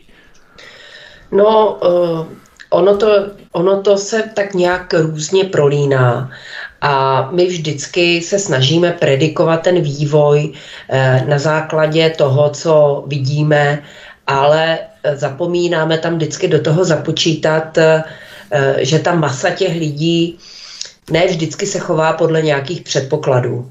Jo, že to, to třeba to, co se stalo to, s tou českou spořitelnou, že vlastně ty lidi fakt uh, zrušili ty účty a to tu spořitelnu vyděsilo, uh, tak uh, ono se to děje i v jiných oblastech, takže Být ta snaha, já to vidím, viděla jsem včera, jsem se dívala na kousek, včera bylo vyhla, nebo včera v sobotu, v sobotu bylo vyhlašování, by vyhla, bylo vyhlašování cen Anděl, což byl, protože já se zajímám o hudbu, vždycky jsem se hudbou zabývala, hodně jsem chodila na koncerty, sama jsem i v mládí jako hrála a zpívala. Jste mohla něco zaspívat na konci třeba. Ne, ne, ne, ne, ne. takže e, vždycky jsem byla fanouškem jako rokové hudby, alternativní rokové hudby, takže Ceny Anděl byl pro mě pořád, na který jsem se ráda dívala. Včera jsem si to teda kousek pustila a vydržela jsem to asi tři minuty, protože za prvé byl tam náš prezident, což mě přijde úplně absurdní, no, je naprosto aby na vyhlašování uh, uh, popula- a to ani není populární hudba, je spíš roková hudba. Populární hudbu řeší spíš uh, různé ankety popularity. Tohle bylo jako profesní, o kvalitě aby tam byl politik, jakýkoliv politik, jo, protože roková hudba a to přece bylo vždycky proti systému, proti jakémukoliv systému, rebe, znak rebelství a já nevím čeho všeho. Tak to byla první věc, která teď tam seděl ten prezident vedle toho svěráka, no to už se mi navalilo s prominutím. A pak tam šla pak tam šla pro nějakou cenu uh, vdova po Žbírkovi, eh, proti které jako nikdy jsem nic neměla. Žbírka mi byl sympatický, jako přišel mi jako docela slušný, jako člověk, dobrý hudebník. A ona tam začala spojovat nějaký jeho single. Ona říká, ano, tento single vyšel v době, kdy jsme cítili nutně potřebu postavit se na stranu Ukrajiny. Říkám, no tak hoši, sorry. Tak, jako teda, to už jsem teda vypnula a všichni, pak jsem se dočetla, že když tam byl ten prezident, dával tu cenu tomu Svěrákovi, takže všichni stáli, tleskali mu ve stoje, tomu prezidentovi. A jsem říkala, no tak teda, hoši, toto vy jste tady představitelé populární hudby, no kdo na vás bude chodit? Jako teď vy si tady štvete proti sobě půlku národa. A kdo na vás bude chodit. Už je to vidět na Tomáši Klusovi, který naštval tolika lidí, že musel vzít podřadnou práci hmm. uh, uh, v nějakém seriálu na primě, aby měl na zaplacení složenek, protože koncerty už nic moc, CDčka mm-hmm, nic mm-hmm. moc. A oni se nepoučí. Oni, ne. budou, oni ne. musí spadnout na to dno. Ale no. já jenom, proč o tom mluvím? jsou hloupí, no. Opravdu tolik arogance a nadutosti a to, jak oni se tam... v jednom, že no, no to, no, já si to ne. Nulový respekt vůči svému hmm. publiku, vůči jako posluchačům, jo. To, to je dílková hadr. To vůbec, to, ale já o tom mluvím proto, protože my máme strašně velkou moc v rukou. My opravdu můžeme uh, tím, že něco si koupíme nebo že něco si nekoupíme, ovlivňovat hodně mnoho věcí. Takže ono to má opravdu hluboký smysl založit si účet u České banky, kupovat. Ano. Když už teda já se snažím nechodit do supermarketu, protože všechny jsou zahraniční, kromě Terna a Kopu, Kupu, nebo jak se to jmenuje. Mm. Ale když už tam musí mít z nějakého důvodu, tak vždycky poctivě louskám ty, eh, ty eh, informace na těch obalech, abych si fakt koupila český výrobek. Jo. A to se týká i zeleniny a ovoce. Zásadně nekupuju prostě Jo, to, a když už teda nemám jiného zbytí, tak si koupím polský jabka, když nemají český ale nikdy si nebudu kupovat španělský nebo nějaký takový, protože je to blížší, že mm-hmm, České mm-hmm. republice. Ty se chováš Opr- skutečně ekologicky, ty o tom nemluvíš, ale chováš se tak, no. Opravdu, ale toto může udělat každý. Jako ano. nemusíte chodit na demonstrace, nemusíte se angažovat v politice, nemusíte vůbec nic.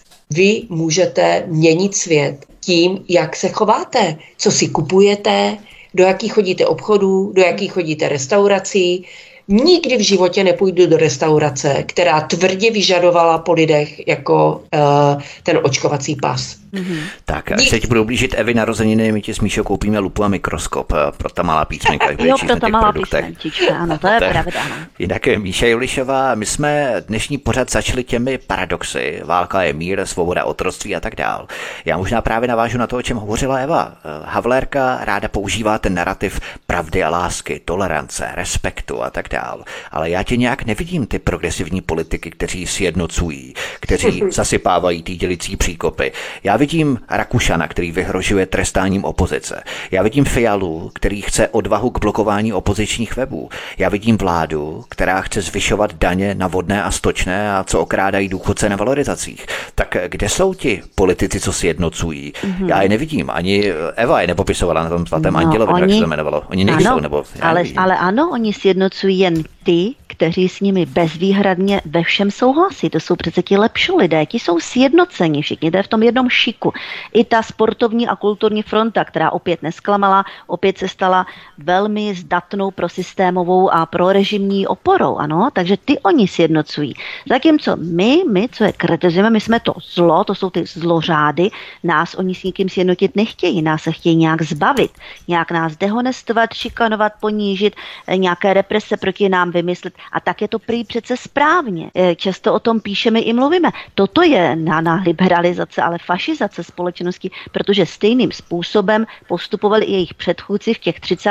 letech. Ano, to se akorát trošičku změnilo, jinak ten princip je lauter, nemlých to samý. Takže oni nemají zájem nás nějak, nějaké příkopy zakopávat a nějak se s námi spojovat. Nás oni chcou nějak eliminovat.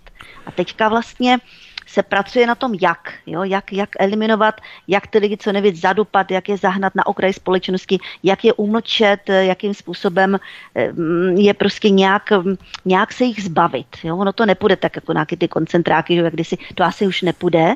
Takže se řeší, hledá jiné řešení. A ta jiná řešení budou taková, že bude třeba ty kritiky a ty lidi zahnat co nejvíc na okraj společnosti a tam je nějak izolovat. Hmm. Jo. A Oni to se právě děje. musí pachtit hmm. a camrat s tou demokracií, která jim hrozně překáží a hrozně jim vadí ve skutečnosti ta demokracie, ta svoboda názoru, svoboda projevu. Oni neříkají, oni se z toho musí nějakým způsobem... demokracie, taková fašistická vlastně. No. Tak, to znamená, Evy, sjednocují se už sjednocení a nesjednocení se nesjednocují. Takové no tak eh, samozřejmě se sjednocují eh, pro režimní podporovatelé, eh, ale na druhou stranu to, jak oni se snaží sjednotit s těmi svými podporovateli, o to víc, o to víc nahrávají a nahánějí ty, kteří s nimi bezvýhradně nesouhlasí na tu stranu naši.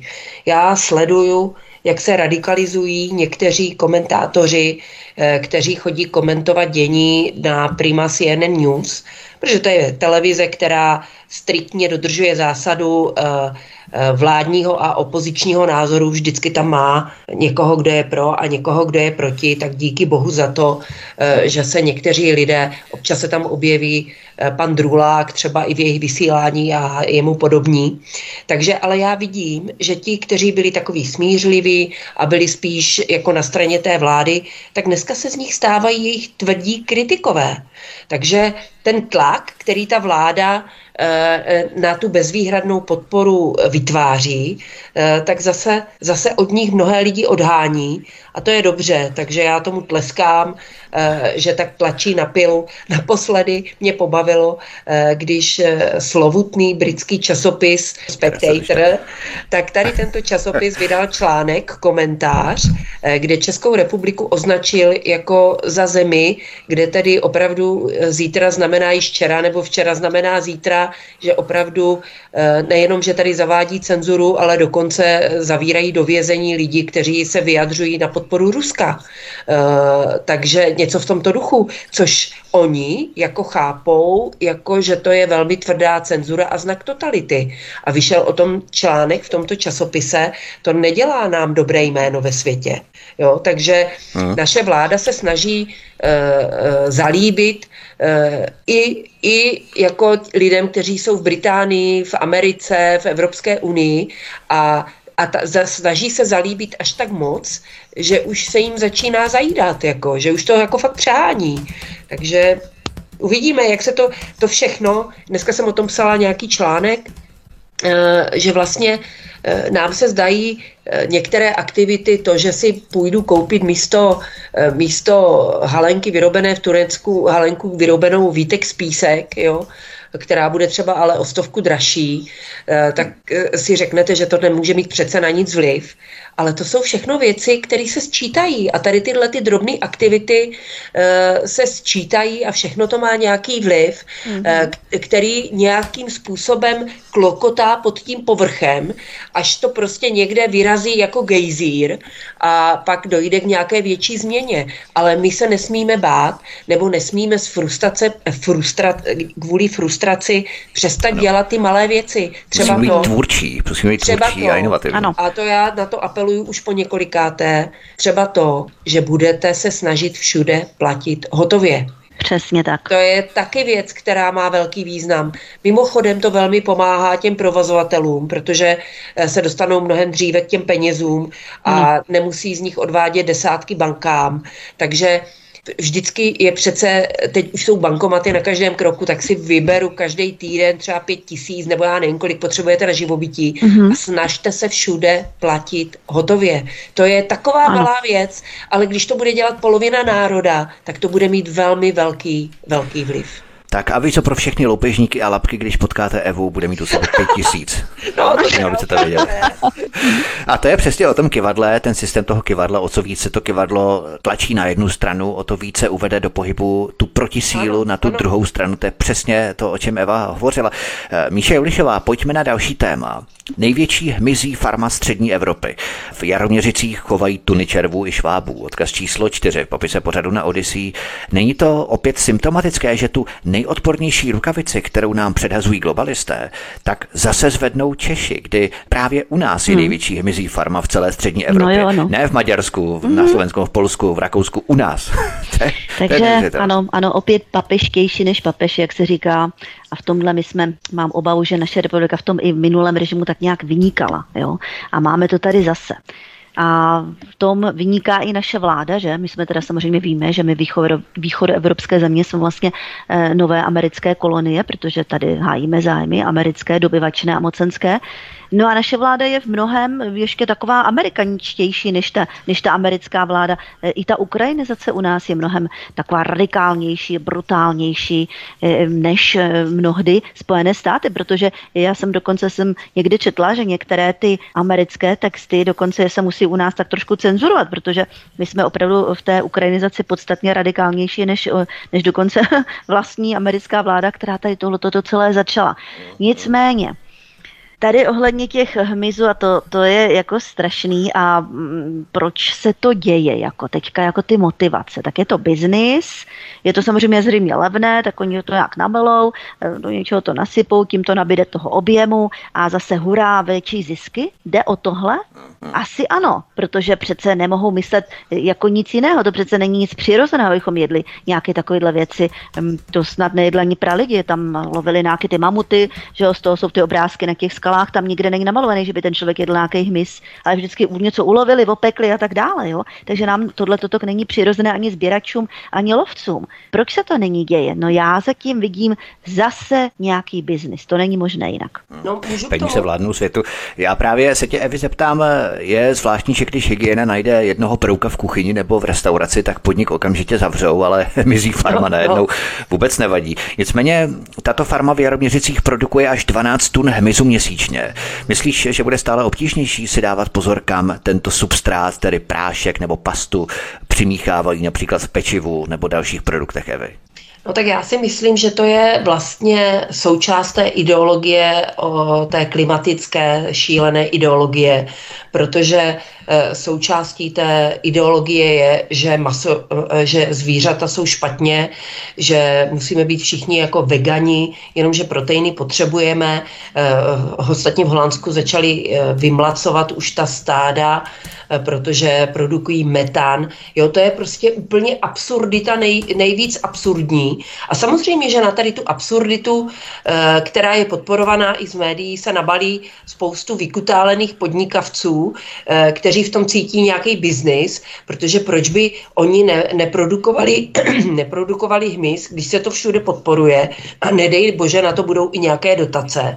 Takže se na to nalepí spousta podnikavců, ale já bych chtěla zmínit eh, jednu věc. Já jsem před několika lety, a bylo to ještě před rokem 2015, se setkala s nějakým podnikatelem, bavili jsme se bavili jsme se o něčem, už, už si nepamatuju, eh, o, o něčem úplně jiném a z něho vylezlo, že on to má jako zálibu, že dováží do České republiky právě hmyz jako k jídlu, protože v Ázii někde se nějaké červí jí, je to tam taková krajová nějaká specialita, tak on to začal dovážet a začal to propagovat, ale v rámci nějaké gastronomie, ne v rámci nějaké ideologie. Ano, a, to je rozdíl, ano. A teďka jak jezdím po těch eh, různých výstavách a různých akcích e, s bylinkama, tak tam se prezentují různé věci od, od tarotových karet přes e, přírodní kosmetiku a dost často tam výdávám taky stánek s tím hemizem. Ale já musím říct, že mě je těch lidí jako docela líto, protože u jejich stánku se nikdy nestojí fronty. E, lidi to moc jako nechtějí, jo, ten hemis. Ono to vypadá i tak jako odpudivě. A když jsem se tenkrát bavila s tím chlapíkem, tak mně to přišlo jako, no tak dobře, no tak někde v Tchajsku e, to tam lidi jí, e, nějaký druh nějakého červla, on to tady dováží jako takovou, takový doplněk nějaký gastronomický, tak proč ne? Ale teďka, když se to tak masivně jako podporuje a ty lidi tam stojí a jezdí na akce, kde jsou lidi spíše našeho zaměření, tak jako ty jako asi zkrachují brzo tady s těma červama. Ale eh, Míša to řekla správně, že oni to budou pochopitelně přidávat do, eh, do mouky. Teď jsem četla, to je ten teď jsem četla, že to přidávají do psích granulí což teda taky vůbec není dobré. A konkrétně značka, myslím, že Brita, takže kdo poslouchá ano. a kupuje granule, tak prosím to vás reklamovali v televizi, přesně tak. Já jsem říkala, Ješkovi, draky chudáci. Pejs. Nekupujte, nekupujte. Že to ti psy, zrovna ti psy jsou senzitivní právě na to složení no, chemické, takže to vůbec jako poží. No. Oni vůbec eh, jako granule nejsou dobré jako pro psy, ale budíš. Takže takže zas to záleží na nás, když my to odmítneme, hmm. když my to odmítneme a nebudeme se ke, ke všemu přistupovat jako tady jeden člověk nic nezmůže a já, no. mám, a já mám rád já mám rád ty španělský jabka, i když jsou drahý a, a podporuju tím globální, ale já si je koupím. Ne, opravdu, musíme mm-hmm. fakt jako odmítat tady tyto věci, nekupovat to, nechodit tam, nechodit na koncerty těch přiblblých umělců, kteří mm. podporují ten režim. Jako pořád, pořád je na výběr, jsou na výběr lidi, kteří se drží svého kopita a snaží se bavit lidi a neotravovat je nějakou politikou, protože to si řekněme na rovinu, na tom není mm. nic špatného. Určitě. Bavit lidi. Ostatně Karel mm. Gott celou dobu se držel a uh, snažil se ty lidi bavit, potěšit. Jo, takže fakt ne, ne, ne, říkala jsem, nepůjdu, ne, nedám už ani korunu eh, žádné takové kapele, že bych šla na jejich koncert, eh, kapela, která zpívala hity o rouškách, no tak to vůbec, no, jako... Tak a když tam tleskají, stojí a tleskají a e, e, slzí dojetím, když tam je ta loutka, a už nevím, jak generál Pavel, no tož to je, ah. to je, to, to je katastrofa úplná. Máme to všechno ve svých rukou přesně analogicky, úplně stejně identicky jako s tou českou spořitelnou. Záleží přesně ano. na nás, jak říkala Eva. Míše Ulišová, tato farma pěstuje čtyři červy. Moučného červa, respektive potemníka moučného, dále potemníka brazilského, potemníka stájového a švába argentinského. Ten článek je opravdu tendenční. je to článek odkaz... Nenávidím, fuj. Tak, to je hnus, odkaz číslo čtyři. Opravdu ty milí posluchači, přečtěte na Odyssey, klikněte na to. Ten neskutečně tendenční článek přímo srší propagandou červů švábu, že jsou nutričně velmi výživní, hodnotní a tak dál. Já si tak říkám, co by na to říkali staří sedláci, že? Že se na no. jedné straně vybíjejí hovězí stáda i prasata, že prdí, krávy prdí, prasata prdí. A na druhé straně se lidé připravují na požírání červů no. a švábu. Asi by si ťukali hodně na čelo, že? E, no asi hodně, ale jako tak vezmeme to z té jiné stránky. Teď i ten brouček je živočích, toho to musí taky bolet všechno, že tamhle je pěstovaný v nějakým, e, nebo červíček v nějakým, je jich tam nahňahňanej hrozně moc. V chovech. Takhle v nějakém šuplíku a já si myslím, že na to se už brzo ozvou nějací ekologové a já je vyzývám, ať se ozvou co nejdříve.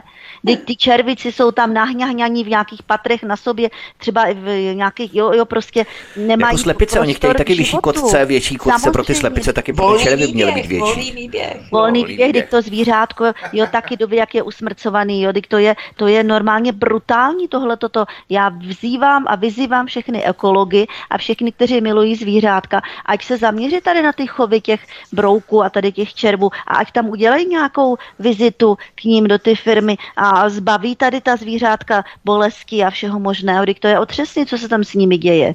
No, že mám pravdu, vidíte, no. Právě chvíli demonstrovat za to v rámci ano, ekologie. Ano, ano, tak. Eva Hrindová v tom článku se přímo chlubí, že se červy a šváby přimíchávají do těsta, že je tomu už přizpůsobená legislativa například v Belgii, v Holandsku nebo ve Francii. A že u nás se právě na to ještě čeká. To je takové trošku povzdechnutí, z toho článku je přímo cítit, že už aby to tady bylo, už aby jsme to tady měli. Jo. Právě tam z Česka vozí ty červy a šváby v chletílinských vozech. Takže my kácíme miliony ovocných stromů. My zastavujeme ornou půdu průmyslovými centry. My místo jídla pěstujeme na polích řepku nebo kukuřici, co se cpe do nějakých bioplynových elektráren a tak dál. Ale hlavně, že máme největší hmyzí farmu ve střední Evropě, to si můžeme opravdu zagratulovat, Evi. No to je, já nemám, já nemám slov a zrovna dneska jsem nad tím přemýšlela, že kdyby se mě někdo zeptal, jak tedy změnit ty věci, tak aby to bylo dobré pro nás, pro všechny, tak jako bych vůbec nevěděla, z které strany začít, protože všechno je úplně pokroucené, úplně špatně, lidi mají vymité mozky eh, a vy, i když přijdete s nějakým rozumným opatřením, tak stejně to všichni všechno překroutí. Jako opravdu tady v této situaci je úplně nejlepší, nejlepší fakt uh, uh, si řídit ten svůj život sám a sám začít sám u sebe a sám si pěstovat svoje potraviny a vrátit se k tomu, jak jsme byli vždycky zvyklí. Já si pamatuju, že tady na vesnici uh, v samoobsluze Eh, se prostě neprodávalo skoro žádné ovoce a zelenina, protože si to všichni na té vesnici pěstovali tak. sami. To nebylo prostě potřeba, jo. A eh, to, že nebyly v létě pomeranče, tak ono to i z výživového hlediska je vlastně správně, protože správně my bychom měli jíst vždycky to, co v dané oblasti, kde žijeme, právě roste. To je pro je ten tak. organismus mm-hmm. nejpřirozenější. Opravdu není... vůbec pro nás nejsou dobré, jo? Oni, no, no. jsem četla, že, že pro lidi je vhodné to, co se vypěstuje zhruba v okolí 400 km kolem, co je dál, už na to není člověk z hlediska dlouhého genetického vývoje zvyklý. A jo? ještě se vrátím ano. k těm broukům, že vlastně ty červy, eh, já, co jsem, já jsem to moc nesledovala, protože já si nekupuju skoro žádné potraviny, kde bych musela zkoumat, jestli to má Ečka nebo nemá Ečka, eh, protože si všechno dě, eh, vařím sama nebo dělám sama. Eh, a takže jsem to moc neposlouchala, ale i co jsem zaregistrovala, že nejhorší z těch brouků je, když mají eh, ty tuhé krovky a když se to rozemele, že v tom je nějaká látka, která organismu škodí. Takže z logiky věci ty mouční červy, kteří nemají žádné pevné součástí na tom těle není tak, není tak strašné. A já vzpomenu, eh, ale to už neznamená, že to doporučuju, protože je to odporné. A já jsem si vzpomněla, jak jsem chodila jako, eh, jako eh, teenager na brigádu tady do místního mlína a moje práce spočívala v tom, že jsem pracovala v takzvané prášičce pitlů. Protože když se dává obilí a nebo mouka do pitlů, tak eh, když to potom chcete recyklovat, tak to musíte vyprášit, a, a aby se to zbavilo těch pozůstatků, buď toho obilí nebo té mouky, ale hlavně, aby se to zbavilo těch moučných červů protože to zná každá hospodinka, že se jí někdy e, dosanou mouční červy do mouky nebo do něčeho, to je těžké se toho zbavit. A tam jich bylo kvanta v tom línu, v, té, e, v těch pytlech. A mě to bylo odporné, já bych to nevzala do huby a nikdy bych, ne, to bych radši si šla nakoupat nějaké kořínky. Yeah než abych tohle, protože je mi to odporné, nebo červy, které jsou třeba ve třešních, to jsou podobní, že? Taky, jo, takže jako, taky tak, takových červů asi jsme za život každý už snědli plno, buď v té mouce, nebo, nebo v tom ovoci, ale ty nejsou tak nebezpeční. A hlavně nikdo nám to nenutí, jako, že aby jsme jedli hlavně to, jo, takže, takže já eh, si nevěřím tomu, že to, co oni na nás chystají, že se mi to podaří všechno zrealizovat, protože opravdu vidím ten odpor na všech stranách, že se zesiluje. Byť teda v České republice eh, je to vždycky takové pomalejší mm. a takové málo viditelné, ale to nemusí znamenat, že, že k té změně už nějakým způsobem e, jako nespějeme. A jak říkám, ta změna nemusí být razantní, to můžou být drobné věci, mm-hmm. protože opravdu já si myslím, že ani odborník, ani nejchytřejší člověk na celém světě by nebyl schopen připravit třeba e, pět nějakých zákonů nebo nějakých pět věcí, které by zásadním způsobem otočily to směřování té společnosti, jakože to se musí fakt jako rozplétat to klubko citlivě, postupně, pomalu, e, o, hmm. odebírat, odebírat ty zákony, aby, protože zároveň s těmi změnami se musí změnit i to myšlení těch lidí. Kdybyste dneska řekl nějakému člověku, že, mm, že zrušíte platební karty, jako příklad, jo, jsem zvolila něco mm-hmm. takového, což by v konečném důsledku mohlo být docela dobré, nebo banky. Takže jak bychom to dělali, kam by mě chodila výplata a tohle, jen to nepřijal by takovou změnu. Mm. To hmm. se musí začít třeba tím, že se dá do ústavy, že máme právo na hotovost, že nikdo nemůže nikdy zrušit hotovost, platby hotovosti. Pak se třeba zruší ty omezení v bankách, eh, které jsou dneska dány, že některé věci můžete platit hotově jenom do určitého limitu. To ano. se musí zrušit, jo? A to tak dál, a tak dál. Takže postupně po malých věcech, aby si i ty lidi na to zvykli a čím dřív začneme, tím lépe. To je salámová metoda, tak jak postupně přitápí pod kotel, ano, tak bychom otápěli a bohužel, ten kotel. Bohužel, Úplně stejným způsobem zpětně. Ne, nemůžeme tak. uhasit ten oheň hned, musíme postupně přesně, lidi zvykat přesně. na tu nižší teplotu, protože jinak by se ty lidi ve většině postavili proti těm změnám. To si myslím já. Hmm.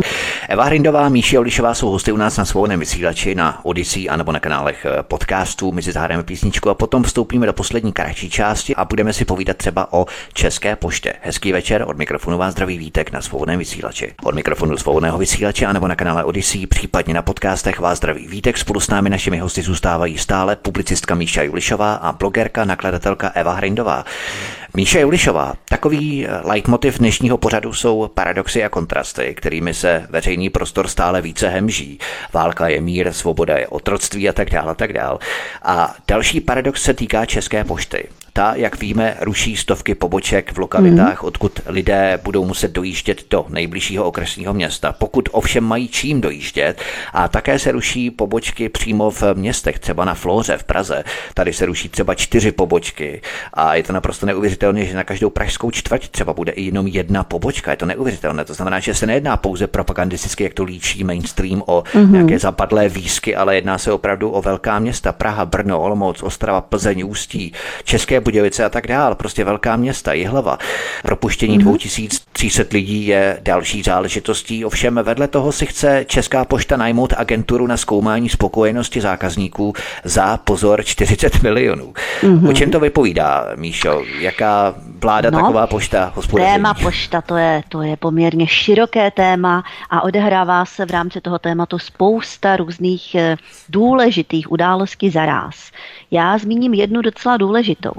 Protože mám nějaké známé na středním managementu poštovním, tak vím velice dobře, co se odehrávalo eh, v posledních letech. Eh, spou- pošta má spoustu pěkných budov, takové ty velké poštovní, staré, krásné, nebo dokonce nově postavené, zmodernizované, tak v uplynulých letech eh, docházelo k rekonstrukcím. Eh, platil to samozřejmě stát, neboli my, stálo to stovky milionů, nebo možná ještě více, a spousta těch budov se krásně zrekonstruoval, takže jsou opravdu výstavní, luxusní, nádherné. Přičemž souběžně s tím se realizoval plán pád pošty, jo, který teďka zažíváme.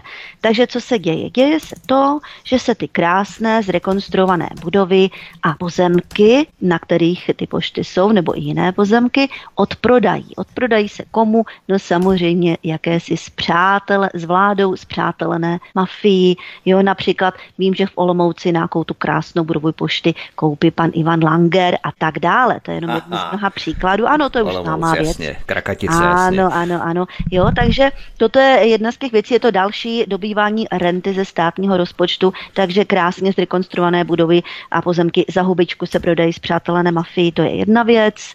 Jo, e, co se týká obslužnosti. Zase viděla jsem článek, že se tady hodlá uhnízdit nějaká ukrajinská nová pošta. Ta prý vyplní tady tu mezeru. No takže to je další agent, součást agendy ukrajinizace České republiky. Ano, plus ještě, říkám, ta pošta má celou škálu e, rozsahu. To není jenom jedna věc. Tam se organizuje, tam se odehrává e, vícero věcí zaraz. Možná mě Eva doplní. Ty pobočky se právě ruší jenom ve městech protože si vláda teda, aspoň to je, zůstal jim trochu, trochu rozumu v hlavě, protože si řekli, kdyby tohle udělali, tak by asi už ty lidi na ně s těma cepama vyrazili do Strakovky, eh, že nikde se neruší pobočky, kde je v obci jenom jedna. Mm-hmm. Takže právě v těch eh, malých obcích zůstávají, ale ve městech, protože někde mm-hmm. ten objem těch rušených poboček eh, museli nahnat, tak proto v té Praze se jich ruší asi nejvíc, v krajských městech a podobně. Ale já, protože chodím na poštu u nás, tak tam dost často bývají fronty před koncem roku obrovské fronty, že opravdu se vyne fronta až ven po ulici a my naše pošta je na okraji Olomouce a oni zrušili v sousedících okrajových částech dvě pobočky. Takže hmm. lidi ze Slavonína a Nemilan budou chodit na Nové sady do té jedné jediné pošty. Takže která, ještě delší fronta. Hmm. Takže tam ty fronty budou ještě delší. Ale podle mě jako samozřejmě tam si to budou, uh, budou kupovat, to, budou, to jsou zajímavé budovy v centrech měst a podobně. No to přesně. se o to strhne no, jako souboj. O Určitě to si, tam jde, o to no, tam nevím, jde. Jestli jde, to je zase ale tunel. podle mě mm-hmm. ta mhm. pošta je jasným důkazem toho, eh, manažerského selhání že prostě si tam ministři dávali různé prostě zpřízněné manažery, kterým mm. dávali opravdu obrovské platy. Naposledy jsem zaregistrovala, že ještě ministr, když byl ministr vnitra v některé Babišové vládě, pan Metnár, tuším, takže tento velmi kritizoval, že ten ředitel pošty měl 8 milionů roční plat. Mm. A přitom ta pošta nevykazovala nějaké, eh, nějaké ano. zajímavé výsledky. Ještě padáky, když ti ředitelé se A další věc je tak, že ta pošta je státní a podle mého soudu, podle mého soudu bylo úplně nešťastné, tlačit tu poštu do toho, aby komerčně konkurovala komerčním firmám, který, který když se vezmete třeba zásilkovnu, to je velmi dobrá, kterou taky využívám, velmi dobrá, eh, velmi dobrá služba, teda komerčně placená, v podstatě je i levnější než pošta, ale ona dělá jenom ty balíky. Pošta dělá spoustu dalších činností, eh, eh, doručuje prostě obsílky, eh, vyplácí důchody důchodcům, posílá složenky, dělá peněžní služby. To jsou všechno, dělá tam, jsou tam checkpointy, takže vy si tam dělá ověřování podpisu a tak dále a tak dále.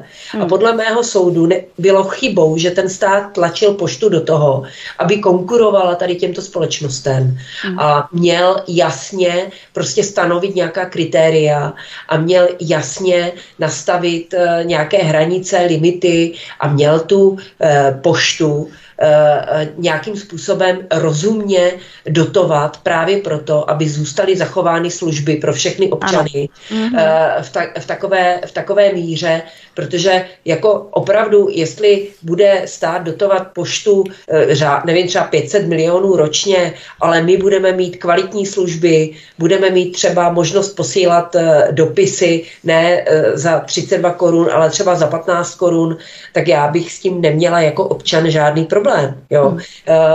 Protože bych ráda přispěla svými daněmi na to, aby jsme tady měli instituci, která dělá spoustu dobrých služeb pro občany. Proč by to nemohlo stát dotovat? Hmm. Proč je tlačil do toho, aby no. kudery, ty prodavačky tam prodávaly nějaký, hmm, nějaký tak, ještě ta časopisy a losy no, no, no, a, no, a, no. a já nevím, strašný, co, a pojištění strašný. nabízeli a takovéhle hmm. věci. A pak Nějaký tam, cestáci skoro. No, jo, a pak tam přijdete a chcete, chcete zrušit CIPO a oni to neumí udělat. Jako. Neumí, protože samozřejmě, protože to mají strašně moc.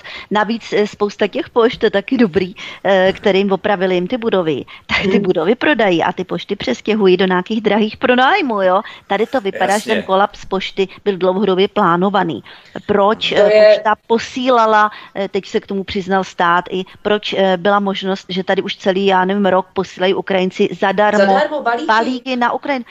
Oficiálně přiznal stát, že to stálo 60 no. milionů. No tak pokud oficiálně no, 60, tak to, je... dejte nulu a pak to bude realita trošku. A stát ani neplatil za služby, přesně stát ani neplatil za služby, ale to zase je chyba těch to zase je chyba těch manažerů, že, že jim nešlapali po krku. No tak jestli já jsem manažer pošty a nikdo na mě nemůže a mám 8 milionů ročně, tak co bych tam jako dělal, eh, kalil vodu nebo něco, mm. To, je, to je prostě neskutečné a je ta pošta, to je typický příklad toho, mm. jak, jak funguje pěti koalice, jak funguje ano. vláda, prostě nesmyslně, ani nejsou schopni, ani nejsou schopni vytěžit, nejsou, nejsou schopni vůbec nic, je to tak neskutečně amatérské a s, s, To já jsem, já sleduju politiku skutečně od roku, od převratu opravdu poctivě, můžu srovnávat, žila jsem v tom a to, co teďka se tady odehrává, to je, to je absolutně dno největších největších eh, propadů, ano. jaké jsem kdy mohla zažít. Hmm. Neskutečné, co se ke mně i dostává od různých lidí, kteří jsou třeba státní úředníci vysocí. To je, to, to, proti tomu není žádné obrany a eh, eh, já, já už fakt nevím, co na to říct a nechápu to, jak se vůbec něco takového mohlo stát. Jako. To je z jedné Míše. strany amatérismus, ohromný, prostě neschopnost, nezodpovědnost, a z druhé strany neskutečné rozkrádání. No a tak, ty, tyto dvě věci, když se setkaly, tak to je ta tragédie. Neschopnost, nezodpovědnost a rozkrádání, tunelování, dobývání renty ze státního rozpočtu ohromným. Jo? Takže, tak. Právě to rozkrádání se neustále zvyšuje, protože hmm. dříve to byly miliony, potom to byly desítky milionů, teďka stovky milionů, už eh, naprosto úplně běžně normálně. Míše Lišová, takže to takzvané šetření České pošty je dalším megapodvodem na dobývání zlata nebo renty ze státního rozpočtu, tak. kdy se za státní peníze renovovaly, abychom ano. to shrnuli, ty krásné budovy České pošty a teď se zruší další. A za hubičku rozprodají přátelené mafii. ODS byla dlouho odstavená od Lizu, tak teď to prostě si musí vynahradit. Jako, jako je to tak prostě. Jo, je to tak. To je celá ta bouřlivá nafouklá bublina ošetření České pošty. Jenom protože Česká pošta za drahé státní peníze opravila, zrenovovala mm-hmm. spousty budov a proto se teď ocitla těsně vlastně před krachem. To je taky další záležitost. No. Vlastně ty peníze napumpovala, investovala do renovace těch budov, rekonstrukce. To znamená, že nemá peníze. No tak kterou teď přátelené mafii eh, poměrně levno prodají. To je prostě plánovaná věc. To stoprocentně jsem o tom přesvědčena. A vrcholem, vrcholem všeho je, když minister Rakušan řekne, že musíme ochránit ty babičky, aby si nechodili vybírat Eh, ty důchody na ty pošty. Je to bezpečnostní riziko. A musí si ty babičky, které no. nemají doma ani eh, počítač, udělat internetové bankovnictví. To je jako uh, úplně absurdita, největší absurdit, jakou je, je, je, já vůbec nemůžu pochopit, jak to, že v těch preferencích, já tomu nevěřím, v těch výzkumech veřejného mínění, teďka někde jsem viděla, že stan má 8%, to je normálně výsměch. Nechápu. Si museli zaplatit, to, jako, no. to, to, to nemůžu tomu vůbec věřit. Strana zločin zločinců. Strašný. No. Míše Ulišová, my se tady bavíme o stále těch paradoxech. U České pošty se musí takzvaně šetřit, ale je přece otřesné, jak rozhazujeme peníze plnými hrstmi. Hmm. Česko přispívá do všelijakých, já nevím, mezinárodních organizací, živí plno různých zbytečných úřadů, stupidní reklamní kampaně za naše peníze, za nefunkční očkování. Podporuje různé politické neziskovky, které pomáhají ve hmm. světě, hmm. ale ne u nás. Jo. Hmm. A potom slyším v rádiu, třeba ve zprávách, že se otvírají pod celé České republice další a další potravinové banky, kam chodí mm-hmm. lidé, kteří prostě nemají peníze na to, aby si koupili ano. obyčejné jídlo. To jsme si všichni zbláznili, že to nikdo nevidíme. Ne, ne, jako to je zajímavé, že to lidi fakt nevidí. Konkrétně to očkování, no tak to snad ani není možný. Oni na, to, ta smlouva je podepsaná, původně to bylo do konce roku 23, teď jsem četla, a to pozor z mainstreamu, že to je do konce roku 26, že každor, každý měsíc nám chodí vakcíny za 900 milionů, které se ještě dál musí zase zlikvidovat, protože samozřejmě, že o ně není zájem, protože to jsou tisíce a tisíce vakcín, o které není absolutně žádný zájem. Každý měsíc 900 milionů. To, to, hmm. A to je strašný. Jako, a, a proč nějak teda se nepozastavit ty smlouvy? Já bych řekla, že v tomhle, a to jsme jenom my, Česká republika, v tomhle je naprosto evidentní, co ta agenda COVID byla. No tak samozřejmě neskutečný tunel lobby farmaceutického průmyslu a e, celého toho segmentu na něj nalepeného, mediálního, vládnoucího a tak dále. A ty smlouvy prostě běží dál. A teď se tady hromadí, prostě to se budou hromadit už 100 tisíce vakcín, které nikdo nechce, pak se budou zase za miliony samozřejmě likvidovat, protože jo, to je jako nebezpečný odpad a tady tohle toto a nic. To, to, tak to radši nalagovat. Co, co to je? Tohle toto, když 900 milionů, to je skoro miliarda. Jo, to, je, no. to je to, to, je, je to šílené. A já Do konce roku 26. Já bych teda, Vítek, řekl správnou věc, že proč, jako, jak to, že to lidi nevidí, nebo nebo jak, jak, jak, to, jak je možné, že se to stále udržuje v chodu. No. To je, eh, to má dvě strany tady, tato, ta, ta, tento stav. Eh, tu špatnou, že tedy se to udržuje v chodu a že nedošlo třeba ke zhroucení energetického trhu v zimě. Za prvé bylo teplo a za druhé se podařilo ušetřit docela dost plynu a tím pádem se to nezhroutilo a tím pádem ta vláda se může tvářit jako, že to zvládla. Ale proč se to nezhroutilo? A tady bych řekla, to je eh, docela pozitivní věc, eh, že český národ, český a moravský národ, čeští lidé prostě jsou obrovští improvizatéři nebo dokážou, dokážou eh, se Adaptovat vynajít, se na tu situaci. Dokážou se no. vynajít v každé mm-hmm. situaci. Mm-hmm. Jako opravdu, když jedete někam autem přes vesnice, tak u každého skoro druhého baráku je hromada dříví. To mm-hmm. dřív nikdy nebylo. Opravdu, kdo mohl, přešel na topení dřevem. Jo, to, to, to, to se podaří. Když budou krbová kamna a dřevo zakázané, tak a, no, se podařilo, podařilo se ušetřit spoustu plynu a díky tomu ta vláda nemusela řešit nějakou kolapsovou situaci. Další věc je ta, že máme tady šikovné podnikatele, kteří si dokázali zajistit plyn úplně odinut Jo, prostě všechno jde, když se chce. Mám takové informace, že e, další věc je, že přestože jsou na nás obrovské tlaky a jediný trh, kde se dneska dá relativně slušně obchodovat, je ruský trh, firmy to nemůžou dělat, ale dělá se to přes různé jiné třetí země, jo, různě se to kamufluje přes Turecko, přes Kazachstán, jo, a já nevím, eh, jo, prostě, takže tím pádem se podařilo zachovat ty pracovní místa. Samozřejmě lidé jako občané, ano, Stále jsou plné supermarkety, lidé si kupují dovolenou, ale to je díky tomu, že opravdu náš národ je extrémně šikovný a dokáže si poradit v každé situaci. Ale to neznamená, že ty lidi to nevidí a nejsou naštvaní. Samozřejmě i ti podnikatelé, kteří e, to nezabalili, našli si nové, odbě, e, našli si nové odběratele, tím zachránili pracovní místa přestože mají extrémně drahou energii, dokázali si zajistit eh, energii odinut, levnější a tím přežili, tak to neznamená, že nevidí, že ta vláda je úplně na houby. A Bohužel, ale eh, my nejsme takový fatalisti a dokážeme si poradit v každé situaci. Eh, není to tak vidět. Proto někteří méně inteligentní lidé pořád mají pocit, že se nic neděje a že je všecko v pohodě. Protože spousta chytrých lidí a šikovných lidí to tady navzdory špatné vládě drží při životě. Ale všechno se to projeví, já bych se toho nebála. Eh, tady ta vláda jako ne, to je jako nebude dlouho u moci, neudrží se tam dlouho a minimálně, minimálně za ty dva a půl roku, až budou volby, tak bude totálně smetená, protože už, uh, už ty dva roky prokazuje, že neumí vyřešit žádný jeden jediný problém. Míše Vlišová, ještě před závěrem poslední slovo. Není to proto, když hovoříme o tom stavu, proč to tak je, že to lidé nevidí, že tyto všechny neziskovky, úřady nebo organizace tleskají a podkuřují vládě, jak to dělá správně a v podstatě udržuje mm-hmm. Ten dojem, dojem legitimity, dojem, tu ano, iluzi no, no, legitimity no, no, no, té no, vlády, no, to že to dělá dobře. Jo? Mm-hmm. A masy samozřejmě to vidí, masy tleskají. No, no, to je ten dojem, který tady vytváří ta, ano, ta média, ta propaganda, ty neziskovky a ti manažéři, jo, ten střední a vyšší management, který samozřejmě, protože je za svou lojalitu velice dobře zaplacen, taky vehementně dává najevo. Potom lidi vidí ty rozhovory eh, v těch spravodajstvích a tam teďka jako pochval. Ano, tady toto je špatně, ale a teď to vychválí nějakého. Takže jako pořád to budí dojem, že sice něco jako úplně není dobrý, ale... Ty kosmetické cesta, věci. Ano, jo, jsme takové drobnosti, drobnosti, tam, ale cesta je správná, cesta je správná a to je důležité. Eva Hrindová, ještě eh, pokud si tedy důchodce, který pořád něco chce a vládu stejně nemá rád, tak tě přidusíme a vezmeme ti tu tisícovku na valorizacích každý měsíc. Tak to prostě je, pokud vládu chválíš dostatečně hlasitě, tak ti vláda něco nasype.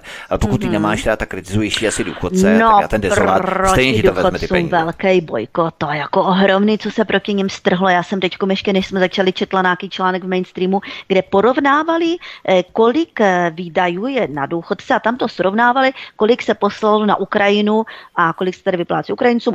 Jo, a srovnalo se to s důchodcem a teďka se zjistilo, že důchodcema je to násobně víc. No samozřejmě, a to je, takže takový útok, taková dehonestace, jako ujídám, ujídají nám toho chlebíčka, jo, jo strašně moc a tak dále.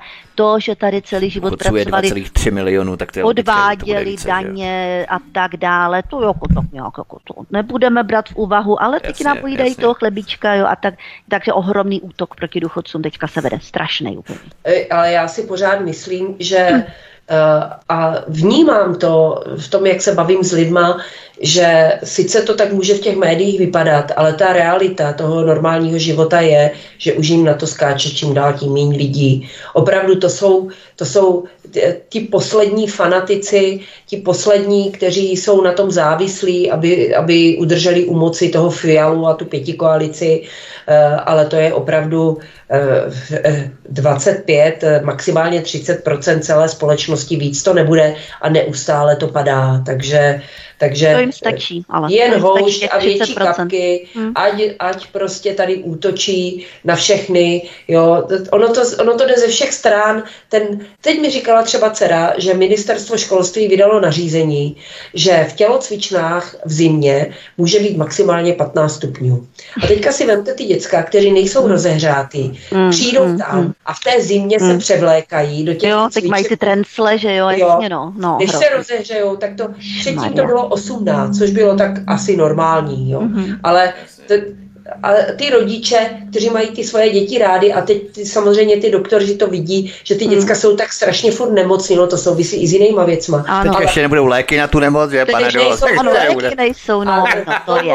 Tomu opravdu, no. to, opravdu jenom ten největší idiot tady toto pořád tomu věří, že to je správně, jako to, to, to už se nedá ničím jako přikrýt a takový ty lidi, kteří nejsou v tom osobně zaangažovaní, tak, eh, tak už to dávno prokoukli, že to nefunguje, že to je špatně. Někteří sice ještě pořád si říkají, no tak za to může Putin, jo, jiní zase říkají, za to může Babiš, ale to už, to, to, to, to už moc dobře nefunguje, no. Protože samozřejmě to, že je Putin, tak to je přece i v Polsku, to je i v Maďarsku. Stačí, když vyjedete do toho Polska, jo. Tam, tam mají přece levnější potraviny a potýkají se se stejnými problémy jako my. Taky mhm. podporují Ukrajinu a posílají tam peníze, jo. Taky mají takovou přibu blblou vládu. Ale hmm. stejně to tam mají lepší jako my. Nejvyšší inflaci z celé EU, tam je průměr, já nevím, 5, máme 17 oficiálně, přičem všichni víme, že ty potraviny se nezdražily o 17%.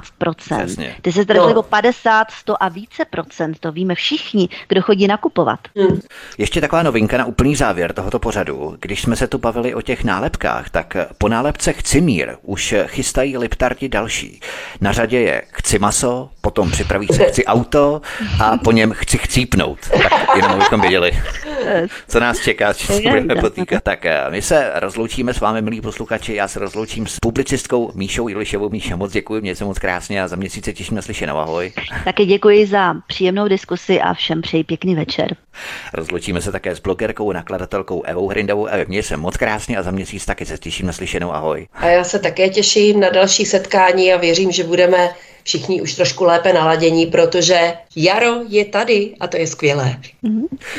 Budeme v květnových dnech vysílat eh, příští pořad. Eh, on ten květen už je skoro na spadnutí, tak snad i to počasí se také zlepší. Takže mějte se moc krásně, milí posluchači. Nalaďte si nás buď na svobodném vysílači na našem mateřském webu, kde si zároveň stáhněte tento pořad ve formátu MP3, případně si nás najděte i na iOS nebo na Androidech na podcastech a také budeme rádi, když se připojíte na kanál Odyssey kliknutím na tlačítko odebírat a nebo zvoneček, to znamená upozornění, abyste nezmeškali i další pořady na tomto kanále svobodného vysílače. To by bylo všechno od mikrofonu a zdraví vítek.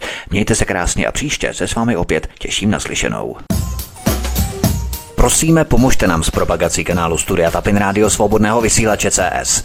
Pokud se vám tento nebo jiné pořady na tomto kanále líbí, klikněte na vaší obrazovce na tlačítko s nápisem Sdílet a vyberte sociální síť, na kterou pořád sdílíte. Jde o pouhých pár desítek sekund vašeho času. Děkujeme.